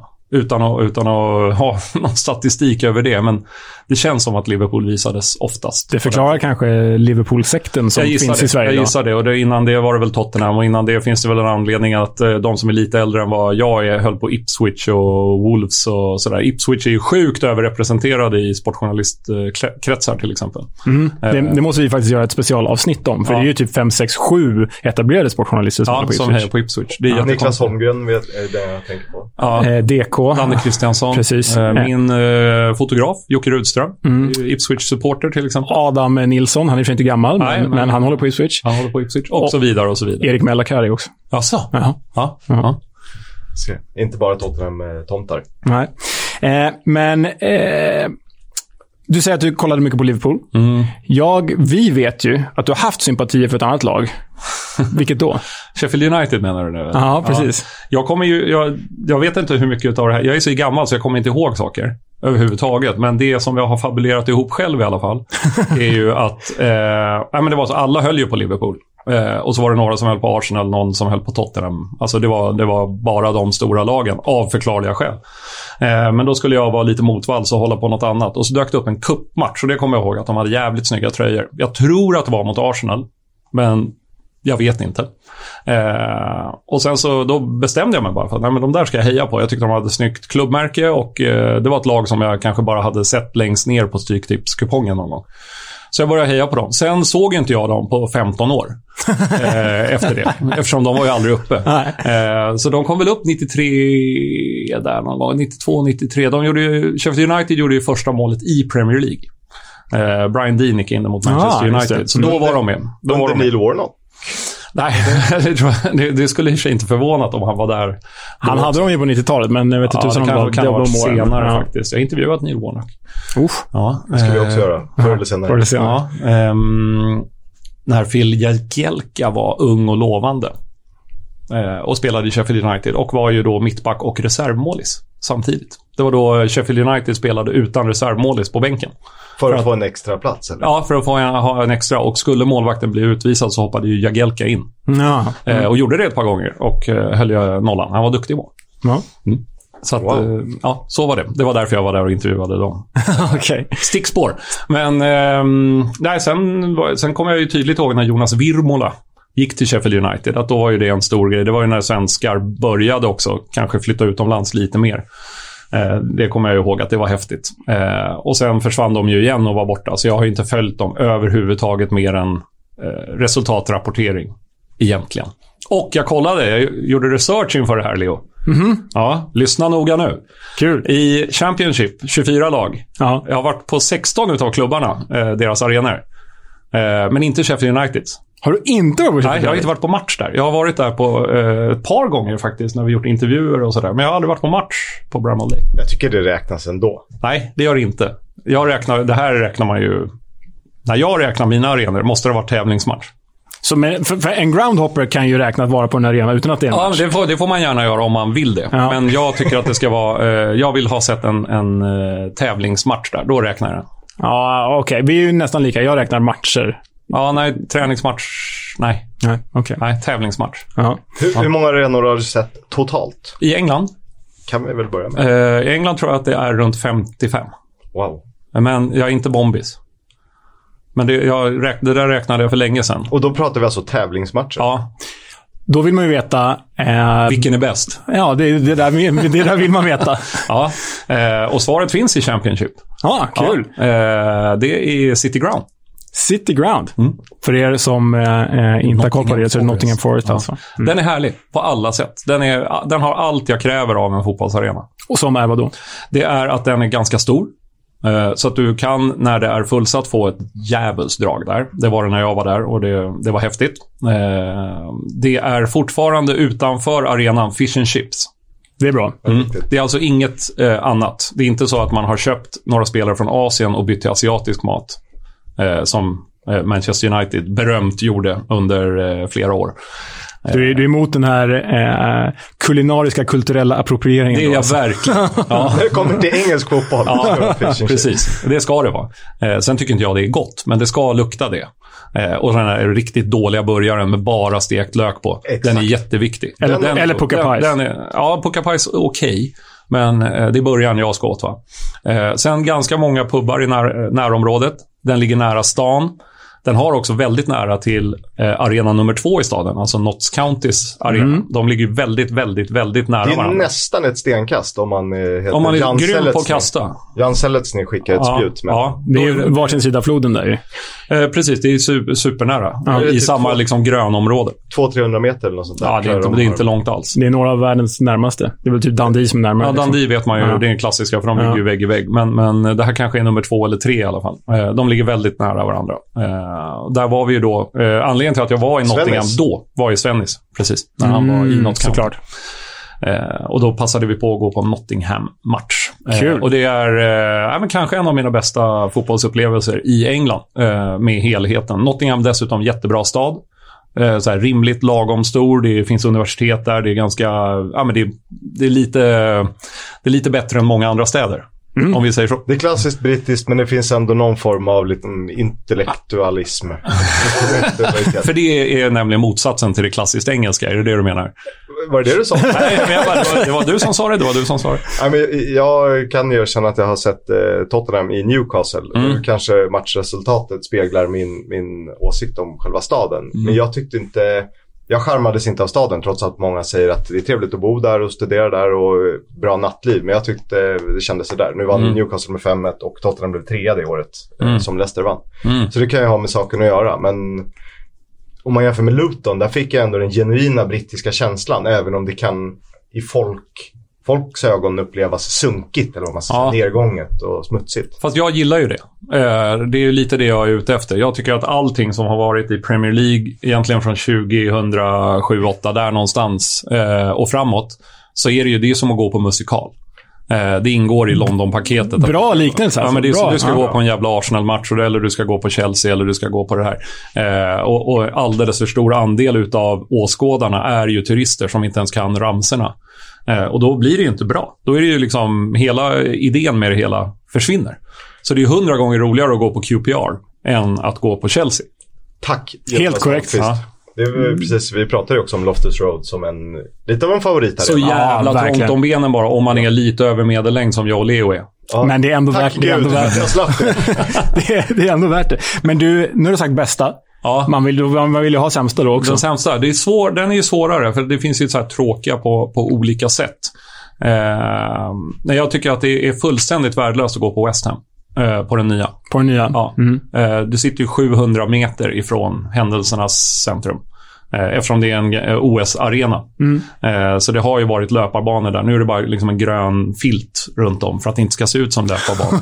Men det, det, du sitter vansinnigt långt ifrån. Och eftersom man jämför med gamla Bowling Ground i Upton Park så, så är det, som var grym. Vilket jag tyckte var väldigt överskattat när jag var där. Nej, jag tyckte den var grym. Jag Jag, tyckte håller var helt med. Jag var där en lördag, ja, klockan tre då, avspark. Och jag tänkte att West Ham Everton, det kan ändå finnas någonting där. Ja. Tyckte det var ganska beige drag faktiskt. Ja, det tyckte jag också. West Ham Stoke. Och när jag går på fotboll så är jag objektiv. Då kan jag heja på vilket lag som helst bara det är drag. Mer eller mindre. Men Mm. jag tyckte det var, inte ens Forever Blowing Bubbles, Swanseas gamla ramsa, eh, gav något tryck. Nej, jag, jag, jag gillade den. Det var också den första engelska arenan jag var på. Ah, okej. Eh, Det är ju värt mycket Så det kanske finns en, en eh, Men arenan där. i sig är ju grym. Mm. Men ehm, Och härligt. Och, och, nej, men den var bra, eh, tyckte jag. Eh, och framförallt hundra gånger bättre än det de har nu. Så att jag, den utser jag nog till allra sämst Mm. eh, av alla arenor. Men ingen fotbollsupplevelse liksom. Nej, men det är ju som att se... Den är som att se en Europa League-final mellan två lag som inte bryr sig på en arena som ingen bryr sig om. Ja. Alltså lite mer så. Ja, Eh, ja, det, det blir ingen... det En Europa League-final i Baku kanske? Ja, men det var det riktigt roligt. Ja. För där har det ju varit för er Där som, har varit. som inte har varit. koll på att... Arsenal-Chelsea. Arsenal-Chelsea i Baku. Ja, exakt. Jag har sett, jag har varit på den som heter Alekok Arena i Tallinn. Jag är ju halvväst för dem som inte vet det. Eh, men där spelades en supercupfinal. Det Ja. kändes ungefär så som du beskriver det. Eh, typ ingen brydde sig. Jag tror Nej. att, jag vet inte om det var Atletico mot Chelsea kanske? Eller om det var Chelsea-Liverpool. Ja, ah, skitsamma. Mm. Men det var ju lite som du beskriver det. Ja, men det blir så här, vad gör vi här? Ja. Eh, och vad är det för match? Och det spelar ingen roll vad det är för match. Varför ungefär spelar så. inte Ragnar Klavan? Ja, det, ja, men lite så. det är ju den ständiga frågan. Eh, Det är det ju. Ja, rimlig också. Men du, om man eh, kliver ner från liksom Premier League-arenorna, Mm. vad, vad kan vara en dålig arenaupplevelse för dig då, eller matchupplevelse, om du tänker bort West Ham-kriterierna där? Ja, man ska väl helst inte bli hotad. Nej, Det är nej. ju dåligt. Eh, så Millwall får ju skärpa sig lite. Eh, Har du blivit hotad Ja, oh ja. Oh ja. Mm. ja, gud ja. Jag var ju- inte en av dem. Liksom. Så att då, de undrade ju vad, vilka vi var. Okej. På ett tydligt sätt. ja. Okej, ja. ja. Eh, Family Club of the Year 2017, Millwall. Ska tilläggas. Det måste alltid sägas. Ja, är roligt. Eh, och där var ju också kanske den upplevelse på The Den då som jag har haft som varit eh, mest... Alltså chockad blev jag ju inte, men i alla fall hajade till när man gick på muggen i paus. Att eh, de går inte in för att kissa. Det luktar ju braj bara. Mm. Bara. Det är där, därför man går in på muggen på Den. Jaha, okej. Medan du gick in och kissade? Jag, jag tänkte ju att jag skulle pinka, men det Ja. var, det var därför, Det var därför du blev hotad. Ja, men de, de bara, vad fan gör han? De hade sin stash där nere. Precis. Nej, det var rörigt. Eh, Stockholm Road tar man ju gärna en taxi till då. Ja, just det. Eh, ja, Det är lite roligt. det är kul, ja. Men det är en jävligt udda fågel bland arenorna för att den ser härligt, eh, sådär, vad ska man säga, brutal arkitektur. Mm. Jo, men den är ju så. Och sen så ligger den ju i ett speciellt område. Och är den där gången med tegelväggar runt omkring där som är egentligen helt störd. Att den får, att de inte bara bygger om det. Där folk står och kastar saker ner på de som går i gången. Liksom. Så Ja. att, eh, ja. Men, men. Du har ju haft, eh, mm, givet alla dina resor till England, så Mm. har du gjort ganska många roliga saker i England också. Och det, det här blir lite, för dig och mig blir det här en repris. För, för eh, Oscar och lyssnarna blir det inte det. Men i en annan podcast som jag hade en gång i tiden, eh, som handlade om klubbmärken, då drog eh, jag upp eh, ett inslag som du och vår kära tidigare kollega Joakim Rudström hade gjort på plats i Kommer fasken? Vi var i Colchester Zoo. Colchester Zoo, precis. Och ni pratade om klubbmärken. Ja, och gick runt på zoo och letade efter djuren i klubbmärkena. Ja. det, det, det, det är ju en väldigt, liksom, det låter som att ni har ganska mycket kreativ, eller hade Det mycket där, kreativ gissa, frihet. gissa hur många promille det var i kroppen när vi kom på den idén. Fan, vi åker till zoo imorgon. Men hur hamnar man i Colchester? Det, det har jag inte heller någon större aning om. Men jag gick på den Lay Road, var, var där. Colchester Leeds var det då, när Leeds var nere och harvade. Orimligt att man kommer ihåg det här, för det här är alltså 13-14 år sedan. Eh, men då var vi ju på den i alla fall och då spelade Gary Kelly. Eh, hade ju följt med ner hela vägen. Han var den enda som hade gjort det. Ja. eh, detta om detta. Nej, men vi, vi, det blev svårare och svårare att få tag i spelarna eh, i Premier League-klubbarna. Så att då fick man börja vara kreativ på andra sätt. Då tog ni djuren på zoo. då, tog vi, då åkte vi till ett zoo istället och eh, gick igenom klubbmärkena eh, med lejon och eh, dylika saker. Då säger jag... Det tyckte jag var kul. ja, det tyckte jag var roligt. Och så säger jag paus här. Klipp Kevin. Jag kommer att skicka en länk till dig med det här klippet så eh, kan du lägga in lite Kevin från inslagen. Ja, det är det. Tja, Kevin. kan du lägga in det hälsar. Den inslaget. gamle tusgen. Ja, Ah, så tack så mycket. Ehm, vilken är den konstigaste platsen i England fotbollen har tagit dig till? Det är ju en rimlig fråga. Alla är ju konstiga på sina sätt här. Jag ska försöka komma på... Jo, men vi, vi var i Darlington en gång. Eh, Okej. Ja. ja. Ja. Är du med nu? Ja, ja. berätta. Jag vet, inte, jag vet faktiskt inte vad vi gjorde där. Eh, det kommer jag inte ihåg. Däremot, däremot kommer jag ihåg att det bara fanns ett hotell ledigt i Darlington och det var ett slott. Ja. Eh, ett sånt här gammalt, eh, ja men som de ser ut liksom. Mm. Eh, föreställ dig hur ett slott strax utanför Darlington ombyggt till ett hotell är. Med rustningar och skit. Ja, ja, ja. ja. Eh, där övernattade vi. Eh, mitt ute på vischan. Eh, och då, det är en sån där, vad gör jag här egentligen? Och det kommer jag alltså inte ens ihåg. Men jag kommer ihåg själva slottet. Vi var i Darlington. Den hemmaarenan var jag också på. Den var ju alldeles sprojlans nybyggd. För en division... Då var de i League 2 och åkte ur. Eh, men den kanske tog 15 000. Eh, och var liksom bättre än alla allsvenska arenor som byggdes på den tiden. Det var så här, hur, hur fan går det ihop? Ja, Eh, Dean ni- Windass eh, var där och lirade. Oj, det är stort ju. Ja. Den gick runt för att ni bodde på slottet. Ja, det jag tror faktiskt. Jag tror, jag tror också att det var ganska billigt. Ja, För eh, våra kära lyssnare, kan du berätta var Darlington ligger någonstans? Ja, det ligger upp, up north. Up north. Ja. Mm. Eh, uppåt eh, strax, eh, ja men Middlesbrough, det hållet. Liksom. Just det. Upp där. Proper North. Ja, jag vet inte om det räknas upp där. Jag kan, jag kan inte exakt om det, vilket eh, county det ligger i. Men det ligger uppåt. Känns dumt att förklara när de har Google ett knapptryck bort. Ja, exakt. Ni googlar Ja, ni får googla Darlington mycket ni vill. Eh, eh, Leo pratade någonting om en uppsats. Och det här gjorde mig eh, spänd. Ja. Eh, 80 sidor engelsk fotboll. Ja, det stämmer. Ja. Det stämmer. I vilket sammanhang? Ja, I gymnasiet. När man skulle skriva ett, eh, så här, ett slutarbete eller vad det hette. Jag skrev om trean. Indien. I, om Indien? Ja. Det var ambitiöst. Vad kom du fram till? Eh, det här var innan Indian Super League tyvärr. Det var innan Indien slog som land. När de var en liten 46. slamkrypare. ja, skämt åsido, berätta vad, ehm, vad varför hur. Nej, man skulle ju ta något man var intresserad av och som man kunde. Så att eh, jag valde det helt enkelt. Eh, och sen så gick jag, plöjde jag igenom, gick ner på stadsbiblioteket, Odenplan. Eh, och eh, tog hem allt som fanns om engelsk fotboll och läste det. Sen rewritade jag väl 90% av det in där. Men det blev 80 sidor tror jag, på den här tiden som man faktiskt skrev på eh, maskin. Så det var ju jobbiga... Så gammal är du ändå alltså? Ja, ja. Eh, Datorn fick man ju låna en gång i veckan eh, på, på skolan. Eh, Så det, det hade inte gått. Så det handknackade jag ner där och ja, gick väl igenom liksom tio största spelarna i historien. Eh, Jag tror jag valde ut 15 klubbar som jag skrev om. Sen så olika tidsepoker och hej och hå. Eh, Och så lämnade jag in det här till eh, gymnastikläraren. Eftersom det handlade om idrott så blev det gympaläraren som fick betygsätta det. På riktigt? Ja. Otroligt mär- märkligt. Ja. han, han, körde, han körde väl ungefär en sån här va? 80 sidor, godkänt. så var det klart. Men det gjorde jag. Den har jag kvar i någon låda hemma hos morsan och farsan. Men 80 sidor, det är en novell ju. Det är alltså... Ja, det är långt alltså. Ja, det är långt. Det känns som att 20 jag har sidor kollat var i långt. den i efterhand där. Ja. Det, är ju- det, eh, det hade kunnat skrivas bättre. Men det var väl bra för att vara 17-18 år. Ja. Mm. Där någonstans. Häftigt ändå ju. Ja, vad roligt. Skulle du säga att liksom, fotbollen gränsar till ett ohälsosamt intresse för din del? Det är ju inte ett intresse längre. Nej. Eh, det är ju det som är problemet. Det är ju ett jobb.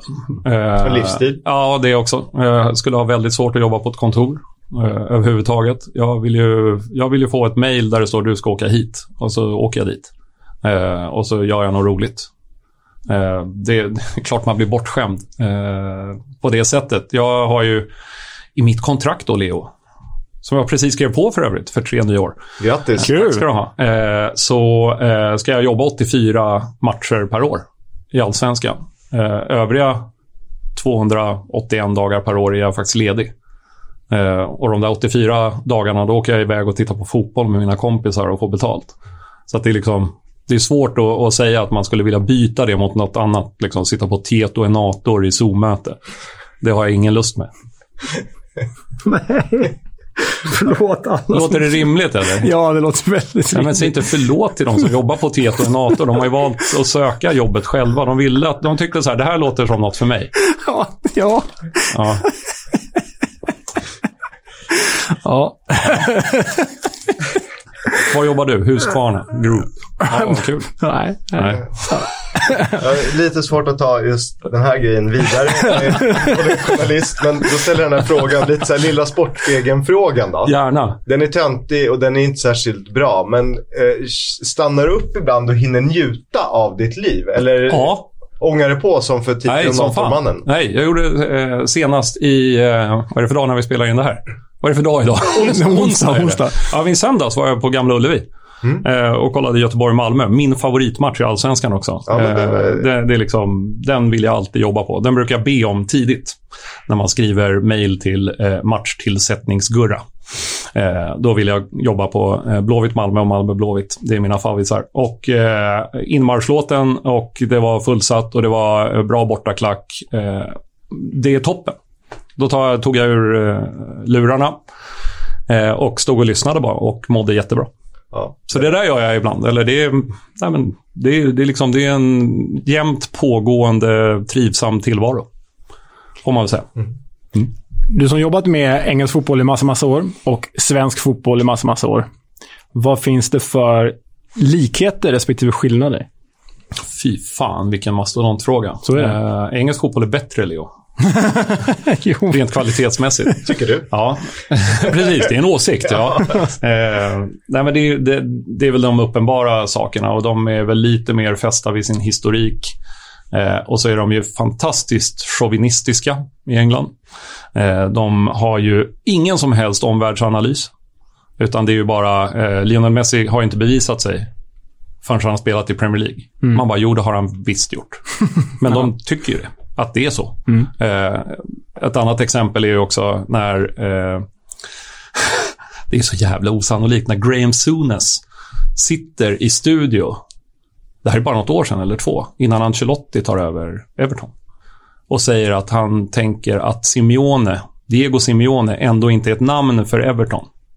Alltså, är Simeone inte ett namn för... är ett namn för Ah, Everton. okej. Mm. För, att det, det liksom, för han är ju slut, han, är, han, är liksom, han är klar med sin grej där. Han har bara lyckats i Atletico. Men, då sitter man ju bara, är du dum i huvudet? Och svaret är ju ja på den frågan. men men liksom, det här är ändå röster som faktiskt har bäring i England. Så de är ju otroliga på det sättet. Enda anledningen till att ge honom rätt är för att han inte hade fått den tiden för att kunna lyckas. Utan Nej, han precis. blivit sparkad innan. Ja, så att ja, ja. På så sätt har han rätt, men i övrigt fall har han fel. Hur mycket vi än älskar Championship och League One. Ja, nej men det är så, sådana saker är roliga i England. Eh, sen finns det ju eh, den del av kulturen i England som finns kvar är ju unik på sitt sätt. Men den del av kulturen som finns i Sverige är ju unik på sitt sätt. Eh, jag tycker att Sverige, alltså som läktarupplevelse på de stora matcherna, håller hög Europaklass. Alltså hög, hög, hög. Det är roligare att gå på fotboll i Sverige än vad det är att gå på fotboll i Frankrike. Liksom, det är bara så. Det finns någon match i Frankrike som är jättekul också, men det spårar ofta ur. Eh, Marseille, det, är roligare, det är roligare att gå på, eh, på match i Sverige, tycker jag, än att gå på en Premier League-match. Jag är nog beredd att hålla med. Vilket eh, också är en anledning till att vi faktiskt gör den här podden. Mm. För att Premier League har blivit någon slags musikalscen. Ja, och fått elefantiasis liksom. Det, det Ah, är ja, verkligen. på något sånt sätt som är så obehagligt. Och det finns ju klubbar i Championship som liksom är där och snuddar också. Eh, ja. eftersom så fort man har varit uppe så lägger man sig till med dem med, med, med, med allt det. Ja, precis. Men, och Eh, osmakligheter. Hela det övre systemet där. Jag bara tänker på Newcastle och vad allt det är på Ja, liksom. det är ju Ja. liksom, det är som det är. Ja. Eh, och man undrar ju fortfarande vad som anses inte vara fit and proper. Ja. Eh, som ändå är liksom eh, det du ska vara som ägare till en fotbollsklubb i det engelska ligasystemet. Att du ska anses vara fit and proper. Eh, alltså inte hålla på med en massa Mord. fuffens. Ja, Mm. mord är ju, man tycker att det borde Ja. liksom falla in under det, men nej, det gör ju inte det. Anstiftan. Ja, det, det är, det är okej också. Du, eh, finns det någon arena, något lag, någon plats i England som du känner att fan, här har jag inte varit? Och du får inte säga Bramall Lane då, för det Okej. är redan nämnt. Som jag har missat där. Ja. Ehm, jag har ju inte varit i, i Middlesbrough eh, på fotboll. Det hade jag kunnat tänka mig Mm. att vara. Eh, jag skulle vilja gå på Carrow Road, Norwich. Som Mm. jag inte varit. Jag har varit i Ipswich, men inte Norwich. Kanske ett East Anglia-derby. Det hade varit eh, jättekul. Men eh, det är ju, nej men jag har ju varit på de flesta eh, stora. Eh, så att eh, de känner jag väl kanske inte att jag... Nej, jag har ing, ingen sån där som är svinhögt upp. Det kan jag inte säga. Eh, däremot så vill jag gillar, det spelar ingen roll vad jag är eh, egentligen. Ja, utav, om vi tar bort de tråkigaste Premier League-arenorna. Men jag vill ju bara gå på en härlig engelsk fotbollsmatch. Jag älskade Brentford. Nu har de ju flyttat. Den gamla flyttat. Griffin Park. Ja, fantastisk. Eh, Du var ju jättenöjd. Vi jobbade tillsammans när du var där ju. Ja, gjorde vi det? Ja, det, Ja, jag har inga minnen av det. Jo, det gjorde du. Du messade mig och var lyrisk. Ja, det kan okej. Ja. Jo, men det var jag.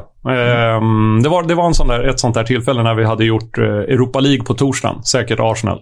Och sen så skulle vi göra en cupmatch på söndag. Så att man blir kvar fredag, lördag. Och då gick jag på Brentford. Eh, och det var hur kul som helst. Men det var väl som en, nästan som en gammal vall, en upphottad, Ja, en upp- upphottad IP. Ja, eh, i alla fall det närmaste du kommer i England. Eh, den var briljant alltså. Eh, en pub i varje hörn eh, var den ju känd för. Eh, och eh, ja, men så här, familjär, mitt i ett bostadsområde. Eh, och har den legat där i över hundra år, det är klart att det sätter avtryck. Eh, och avtrycken sätts utifrån och in också. Liksom. Det blir, blir en integrerad del av den lilla delen av London. Eh, och så var det på väg från Heathrow och allt sånt där. Den det ligger ju perfekt, Brentford. Eh, och jag har inte varit på den nya, men ja, det får man väl beta av. Tids nog ska du Ja, komma tids dit. nog ska jag komma till London. Ja. Har du varit på Kenilworth Road? ja. Mm. Det är ju, har blivit lite av min favorit. Just för att den är så lätt risig. Ja. Men, och det är därför jag älskar den. Om vi pratar om det genuina England. Den speglar ju det på något sätt. Ja. Med, de har inte riktigt hunnit bygga klart. Ena sidan då fick de för sig att bygga VIP-loger. Liksom. Mm. Det ser helt sjukt Det var en dålig idé. Ja, Ja. konstgräs. Eh, spännande idé. Ett dåligt gammalt konstgräs som de blev. Mm. Ganska bra tryck när Ja. vill sig väl. Men jag tycker att det, det, det här nu låter det ju så överambitiöst och halvpatetiskt, men det ska ju spegla samhället och området som den ligger i. Arenan ska ju liksom passa där den är. Både för laget, hur de är och, och eh, hur staden är, eller området i den stora staden. Eh, så du kan inte ha ett så här stål och glasschabrak eh, som är trovärdigt i Port Vale. Det går Nej, inte. nej, Man ska nej. inte ha det. Eh, det blir löjligt. Alltså, nu blir det en parallell här till division 1 i Sverige, men det här nu. Nu jävlar. Ja, nej, men Åtvidaberg byggde ju ut eh, Kopparvallen Just det. och gjorde det med en träläktare. Som var ytterst rimligt stor. Mm. Eh, och pratade med, med eh, folk där i Åtvidaberg som sa alltså vi kan ju inte ha en sån, vi är i Åtvidaberg. Och man bara, bra, ni har fan fattat Ja, ja. grejen. Eh, för de var tvungna dessutom att ha kvar eh, ena långsidan. Eh, eftersom den är K-märkt. Då kan du inte bygga på ett visst sätt. Alltså, hur, hur skulle det se ut om du ställde Tele2 Arena i Åtvidaberg? För Tasket. Ja, det hade varit, även om den hade varit liksom delat med åtta i, i uh, åskådarantal. Det hade Ja. sett jättekonstigt ut. Så att man måste liksom ta in området. Det tycker jag de är bra på i Holland, av det jag sett på tv. Jag har bara varit och sett Johan Cruyff Arena, då Mm. heter den fortfarande Amsterdam Arena. Men där känns arenorna proportionerliga till städerna och klubbarna. Det är liksom så här 8000 fast i modern stil. Ganska Mm. många snygga arenor också. Så här, Mini-Tele2 om man kan säga så. Mm.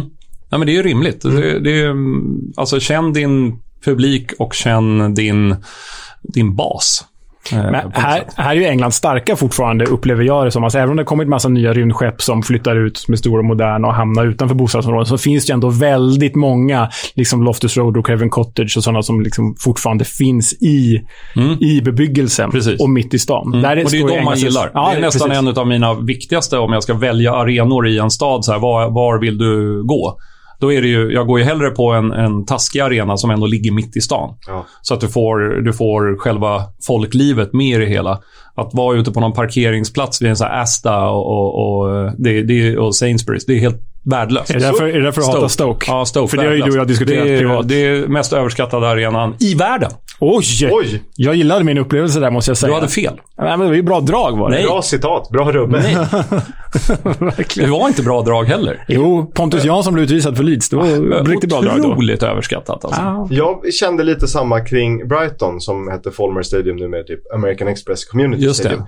Där du, f- ja, vi tog typ en taxi en halvtimme bortåt. Och så det blir ett annat område liksom. Mm. Det har inget med Brighton att göra som en ganska charmig kulturell stad, mycket Ja. musik och Heter inte orten det ligger i Hove. Falmer? Ja, det är det Hove det ligger i?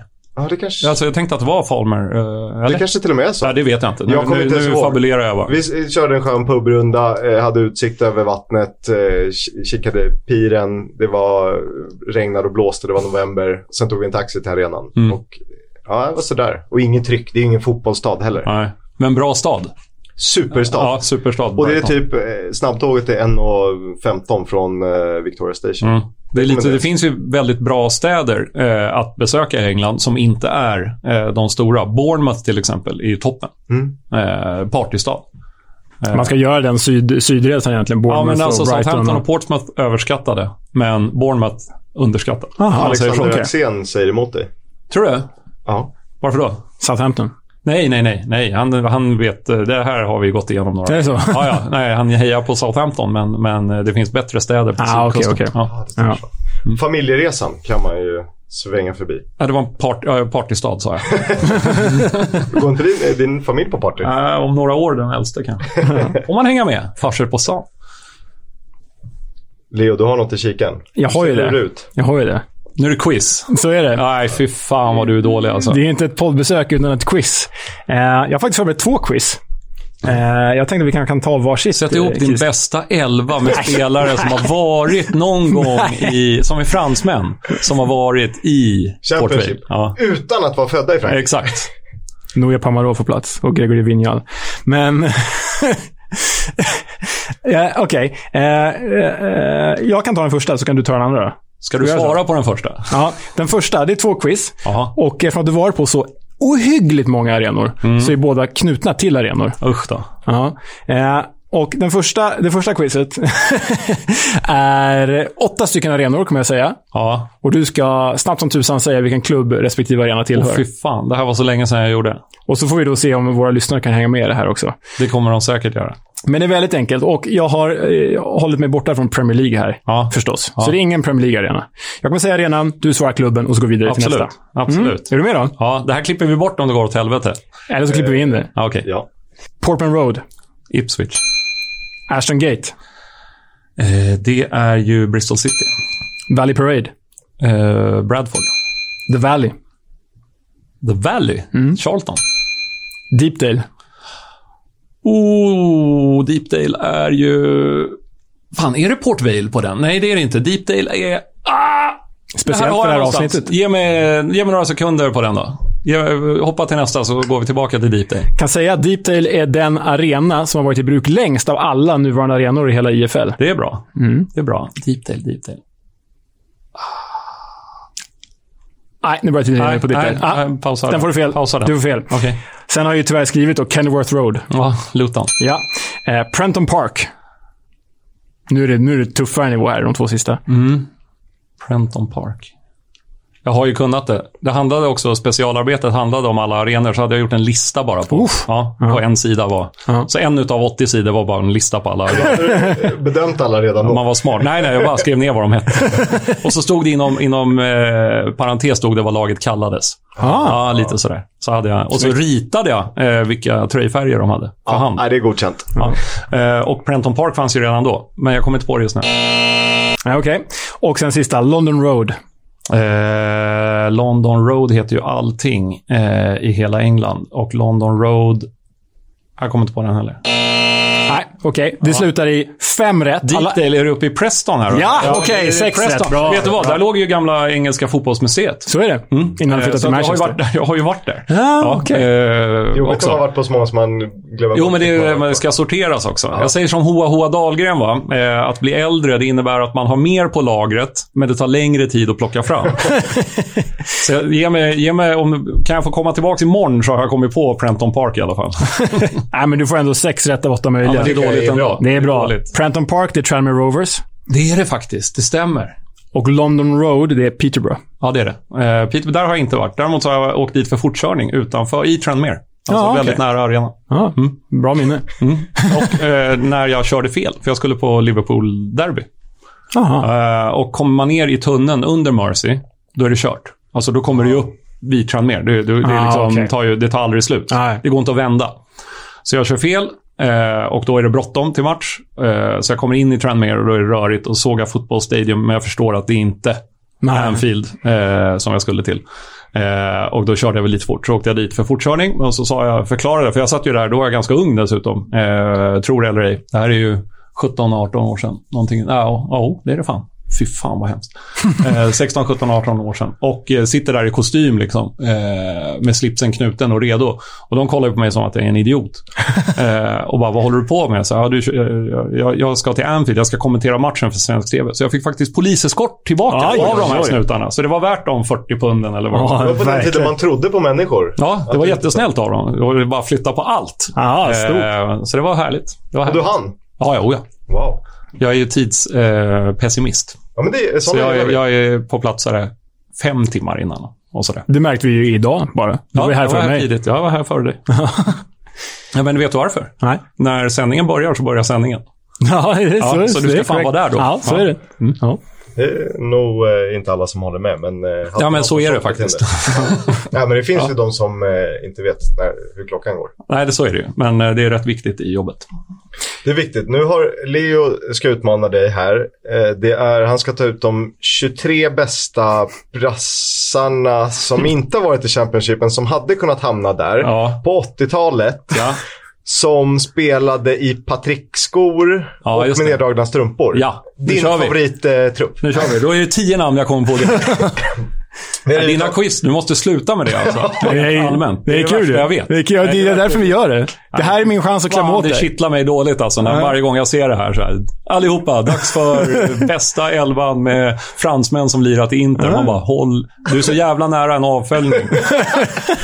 Ja, det är bra. Det är bra, då gör jag rätt. Tur att vi har vårt reservkonto. Eh, eh, det är Leo som har förberett quizen, men jag tar den för att jag har gjort en, eh, ett tillägg till den. Ja, Lite kul. lustigt. Ja, kör. Eh, det heter pub eller arena. Mm. Då kan man tänka, ja det vet man ju. Fast det kanske man inte vet. Nej, det, det kan vara lurigt. Sex obskyra namn Och så får du avgöra om det är arena eller pub. Det här är lite som Kent-låt eller Beck-film. Verkligen så. Utan att vara ett Kent-fan, ja. Eh, vi börjar med Roots Hall. Det är en arena. Ja, vilken är det? Eh, nej, men jag kommer ihåg att jag skrev ner den där i, i specialarbetet för väldigt länge sedan. Roots Hall, det är tidigt. Det är, kan det vara Aldershot eller något sånt här skit? South End är det. South End är det. Ja. Royal Oak. Också en arena. Är det det? Ja, det känns så. Det är faktiskt både och. Leo har skrivit pub här. Men det är också hemmaplan för Harwich and Parkston Ja. FC. Harwich. Snyggt. det hade du inte en aning om. Ja, verkligen inte. Nej. Nej. Spotland. Lurig. Eh, Spotland. Spotland. Fy fan. Jag säger att det är en pub. Rochdale.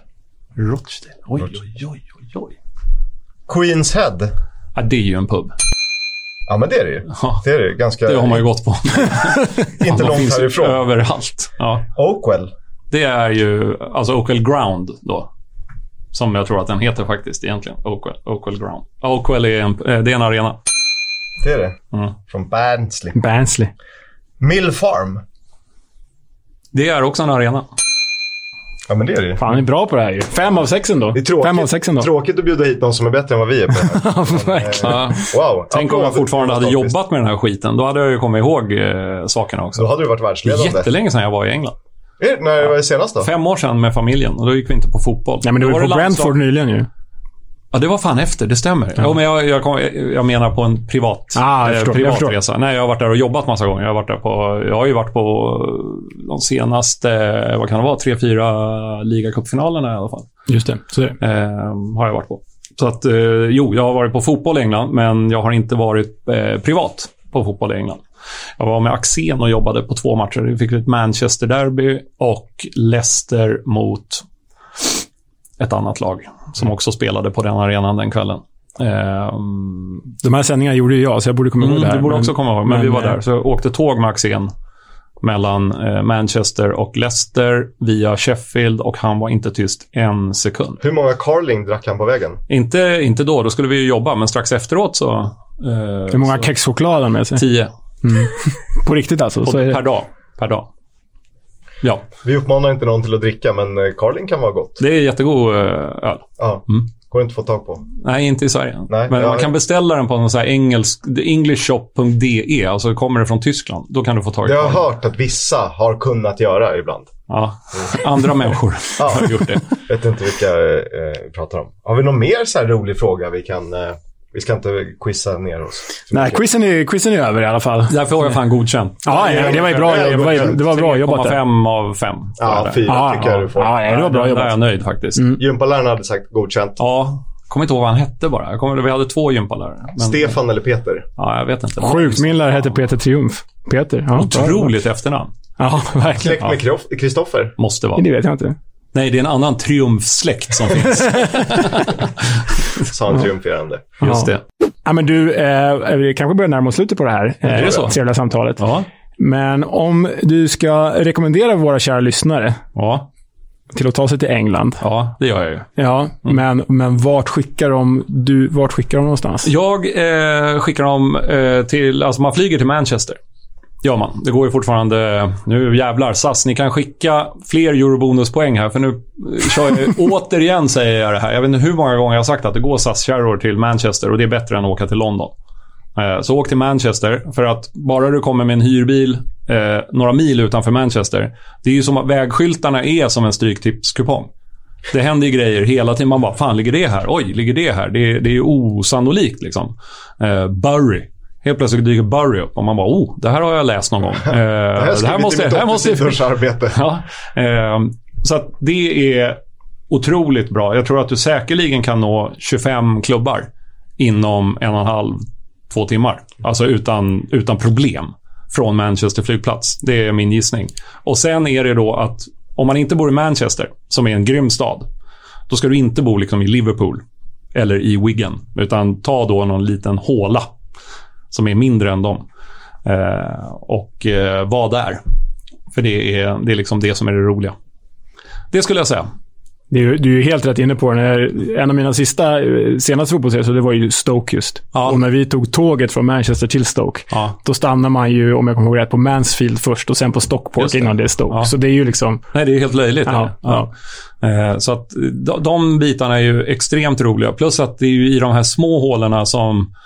Det är klart att det är ju som att åka 60 år tillbaka i tiden, ärligt talat, vissa engelska städer. Men det är ju också roligt för att just i Stoke eh, har jag bott över. Alltså både i Stoke. Det är ju ingen normal människa som gör det. eh, och eh, det enda stället som egentligen var öppet där den dagen, det var ju en bingohall. Ja. Eh, Så jag spelade bingo själv i Stoke med en riktig gammal tant som stod där framme och bara 28. Eh, 28. Hur många gånger fick du fundera på vad hon sa? Nej, hela tiden. Man satt ju bara och skrek bingo på allt. Och hoppades på det bästa. Men, eh, eller bingo. Eh, nej, så att det, det, är ju det är roligare. Det är roligare helt enkelt. Tack för att du eh, kom hit Jonas. Tack själva. Mm, tack. Bra surr. Verkligen. Hej då. Tack för besöket Jonas Dahlqvist. Eh, alltid roligt att ha folk eh, som gäster i podden. Nu ska vi gå vidare till det nya segmentet som gjorde premiär i förra avsnittet. Eh, där jag ska försöka ledtråda bort eller ledtråda fram Leo till en specifik spelare med Championship-koppling. Who are you?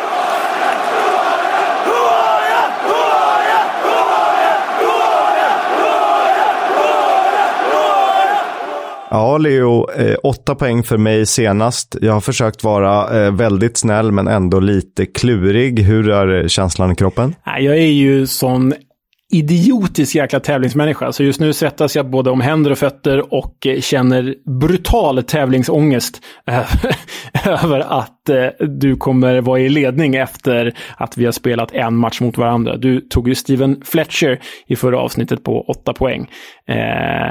Så ja, jag måste ju prestera minst lika bra som du gjorde. Det svåraste tycker jag är att hitta balansen så att man dels börjar ganska svårt men ändå att kunna ge motståndaren i det här fallet då en, en aning om vem man pratar om. Ja, men verkligen. Man ska ju kunna lista ut redan på 10 poäng vem det är, men det är ju satans svårt. Eh, ni, kära lyssnare, var gärna med och tävla mot både mig och Kisk här. Skriv upp era, era resultat, var ärliga med dem och skicka in dem till oss, för då kanske vi kan, Excel-nörd som jag är, eh, plutta in någon slags liksom, maratontabell där inte bara Kisk och jag som tävlar mot varandra, utan ni även är med. Det vore roligt. Eh, och det funkar ju alltså så att eh, jag läser eh, 10, 8, 6, 4, 2 poäng och så läser vi dem två gånger eh, till dess att Leo har smsat mig mitt svar och vi är naturligtvis 100% ärliga. Det finns ingen anledning för oss att vara något annat. Och han säger stopp och så smsar han och så läser jag igenom svaret och sen får vi se. Helt enkelt. Är du redo Leo? Ja, men visst, kör. På 10 poäng.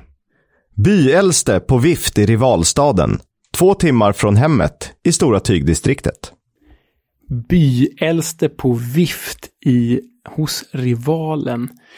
Byäldste. I tygdistriktet, då är vi ju typ i, i Lancashire då, här som vi precis har lyssnat på Preston och textilindustrin och Spinning Jenny i Blackburn. Uff, men jag kommer inte ta vilken spelare det är på 10 poäng. Om, en, om det är byäldste. Finns det någon som heter något med Village eller liksom... Äh, nej, eh, eh pass. Jag tar, Ja. den, jag tar Ja, den okej, ja, igen ja, så du får eh, lyssna på den ordentligt. Byäldste på vift i rivalstaden. Två timmar från hemmet i Stora Tygdistriktet. Ah, två timmar från hemmet i stora, stora tygdistriktet. Han kommer alltså från Lancashire. Eh, Eller liksom Preston eller Blackburn där någonstans. Aj, aj, aj, aj, aj, aj. På vift. Ja, nej, jag får passa. Åtta poäng. Tidigare vicekapten som återvände när hans klubb behövde hjälp i toppen för inte så länge sedan. N- när hans klubb behövde hjälp i toppen för inte så länge sedan. Hmm, man tänker ju direkt typ på figurer som, men det är ju inte tygdistrikt, man tänker på Kevin Nolan och sådär, men det är inte alls tygdistriktet. Kan du läsa den en gång till? Vi tar åtta poäng igen. Tidigare vicekapten som återvände när hans klubb behövde hjälp i toppen för inte så länge sedan. Inte så länge sedan, när hans klubb behövde hjälp i toppen för inte så länge sedan. Och jag kan ge en liten bonusledtråd att toppen det är lika med Premier League. Mhm. Jaha. Ja, nej, jag kommer nog hamna under... Nu vet vi att jag hamnar i underläge. Jag får passa. Jag vill ha sex poängaren. Sex poäng. Relativt sen landslagsdebut, men tog plats i två mästerskapstrupper och bildade ofta par med en annan veteran i Championship. Backpar, mittbackspar ska tilläggas. Relativt sen landslagsdebut. Han behöver ju inte vara engelsman bara för att han kommer från Lancashire. Om han nu kommer därifrån. Jag kan säga att han är det. Det är så jobbigt, för man vet ju att det sitter lyssnare som har bräckt den redan. Och du har ju redan bräckt mig. Ah, läs, läs den en gång till. Relativt sen landslagsdebut för England, men tog plats i två mästerskapstrupper och bildade ofta mittbackspar med en annan veteran i The Championship. Med en annan veteran i The Championship. Och den veteranen är också aktiv nu. Jaha, den veteranen. Det är kanske, det är kanske Gary Cahill. Vem skulle ha bildat med honom då?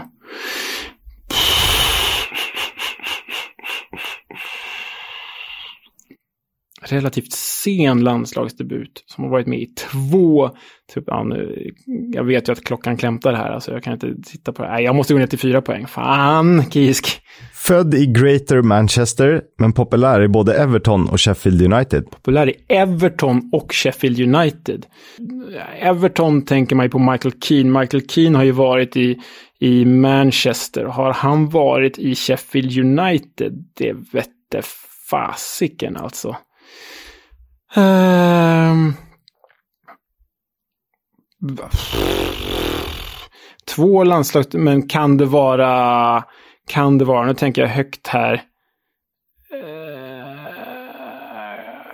nej, det är inte här Maguire. Han har ju ingenting med, med, med Everton att göra. Väl? Eller jo, det har han väl. Han har ju inte varit i Everton, han var i Leicester. Fan, jag är helt borta, Kiss. Kan du läsa den igen? Igen då, fyra poäng. Han är född i Greater Manchester, men populär i både Everton och Sheffield United. Alltså... Och får jag ge dig ett tips här om eh, vad jag har sagt tidigare med liksom återvändare och rivalstad och vilka klubbar han är populär i. ah! Nej men, nej men, nej men, nej men, nej men, nej men, nej men. Everton, Sheffield United, eh, sen landslagsdebut. Eh, det, jag låser in det, jag måste skriva till dig nu. Eh, jag, jag, får inte säga vem det är, för då kan jag avslöja för lyssnarna som inte har eh, skrivit. Jag ska bara hitta dig här. Det måste vara den här pojken. Eh, så har jag, nu har jag skrivit. Så får du berätta sen efter två poäng om det var rätt eller fel. Jag har fått ett svar från eh, Leo. Han låste in det på fyra poäng. Två poäng då. Nu är det dags att ta bladet ur munnen. Har du fillat ut vem det är? ja, yes, det har jag. ja. Du får säga vem du, du får säga det. Det är Phil Jagielka. Det är helt rätt. Bravo, bravo. Eh, om vi tar det då från början. Byäldste, ja han är, är ju äldst i The Championship på vift i rivalstaden och rivalstad Derby. Eh, lite töntigt men... Eh, Kul, det var roligt. Det var roligt. Två timmar från hemmet. Han är väl född i typ Sale i Stora tygdistriktet, Greater Manchester. Eh, lite långsökt, mm. men... roligt. Ja, det var roligt. Fyndigt. Eh, åtta poäng då. Tidigare vicekapten. Han var ju vicekapten i Sheffield United när han, han kom fram där. Och återvände när klubben gick upp i Premier League igen. Eh, när de behövde hjälp. Där borde jag tagit det. Där skulle jag tagit det. Men ja, ja. ja. Relativt sen landslagsdebut. Han var väl typ 27-28 när han gjorde eh, match, sin första match för engelska A-landslaget. Spelade väl B-kamper innan det. Tog plats i två mästerskapstrupper. Eh, VM 2010 var det va? Nej, det var EM, EM 2012 och VM 2014. Exakt, så var det. Eh, bildar ofta på, eh, pa, mittbackspar med en annan veteran i Championship, Gary Cahill. Jag ser de två som en symbios på den tiden. Mm. Född i Greater Manchester är han ju, men populär i både Everton och Sheffield United. Han eh, gick ju från Sheffield United, det var där han startade sin karriär. Eh, sen gick han till Everton och sen gick han tillbaka till Sheffield United. Och två poäng, nu är det dags att ta bladet, The Blades. Ur munnen har du fillat ut. vem det är. Nej, den var bra. Den var ju... Den var ju eh, eh, jag tog dig för bokstavligt. Du lurade mig där med dina härliga ordvitsar. Nej, det var bra, bra, eh, bra jobbat, Kisk. Återigen, man vet inte om det är svårt eller lätt förrän man väl eh, sitter på pottkanten. Nej, men den här... Eh, jag borde tagit den på sex åtminstone. Men, men eh, bra, bra skrivet. Då kan vi rita in poängen. Åtta till dig, Kisk, och fyra till mig. Det är dubbel ledning efter vi har spelat mot varandra en gång. Snyggt jobbat! Men man vet ju att nästa vecka, då kommer eh, jag få någon eh, tuff eh, nöt. Så, Så känns det. det. Fan! Ja, ja. Snyggt! Favoritsegment på gång. Här är, trots att han står utan jobb, veckans Warnock. We'll have a chat about the fucking game. About your game, last few months, last few weeks. Fucking character. Fuck! Ja, som sagt, även om den gode Neil Warnock fick sparken från Middlesbrough så vill vi ändå gå tillbaka till rekordet han slog häromveckan. När han passerade Cruz gamla italienare Dario Gradi som den manager med mest matcher i IFL. 1603 stycken blev det, eller har det blivit hittills. Wow! Och eh, om vi går tillbaka typ 34 år i tiden till augusti 1987 då låg Michael Jackson etta med Can't Stop Loving You. Timothy Dalton spelade James Bond och Ikea hade inte nått England. Men det var då som Neil Warnock debuterade som manager i IFL med sitt Scarborough. Och eh, så här lät han när han slog rekordet. Well, congratulations Neil on making English professional football history tonight. What does this achievement mean to you? Well, I'm very proud obviously. It's, I didn't think, expect when I started all those years ago at Scarborough and before that uh, I'd end up like this. But uh, I think when you do it as long as I have, you've got to have good people behind you. And Sharon, my wife, and and the kids, Amy, William, Natalie, and James, have been brilliant. So they've kept me going all through the bad times. And you have a lot of bad times, but you've got to get over them, and uh, and I managed to do that.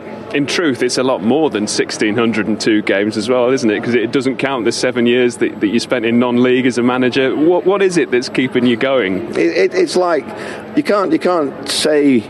I love the dressing room spirit. I love the training ground on the, with the lads and. Uh, when the whistle goes when you've got a good win, it, there's nothing like it. You know, it's uh, yes, there's disappointments along the way, but it's a great, it's a great. Uh, uh, football is a fabulous industry, and to me, I've had I've been very lucky that I've had some very good chairmen and I've had some great clubs, and the two together are exciting. You know, I think it's. Uh, to, to, I've always tried to make the fans that I've managed enjoy themselves and give them a bit of a laugh. Really, I think humour's going out of the game at times, and uh, and you know, I think wherever I've been, I've always left them in a better place than when I, when I took over. Neil Warnock, eh, vår kära vän, vi eh, hoppas att han får ett eh, jobb snart igen. Vilket dåligt julrim det där blev då. det var, var ju något i alla fall. Vi får väl se vad som står på tur. Jag kan tänka mig att det finns lag som eh, är i behov av en tränare som vet var han har sina åsikter och tankar.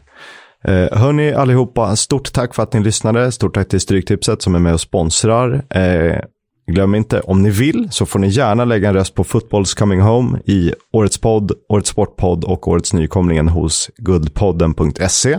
Mm. Och så har vi glömt en sak. Jag ska få en klubb av dig. Ja, precis. Du, du ska få en klubb av mig, ja.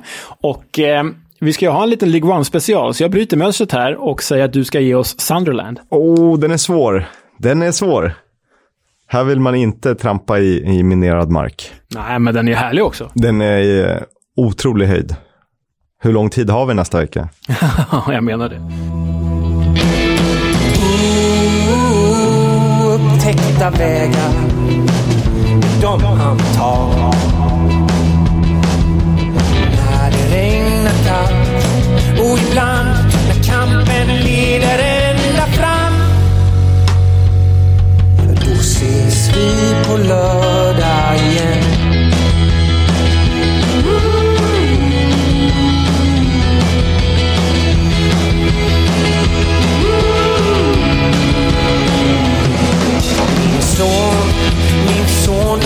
Kommer väl aldrig bli som jag.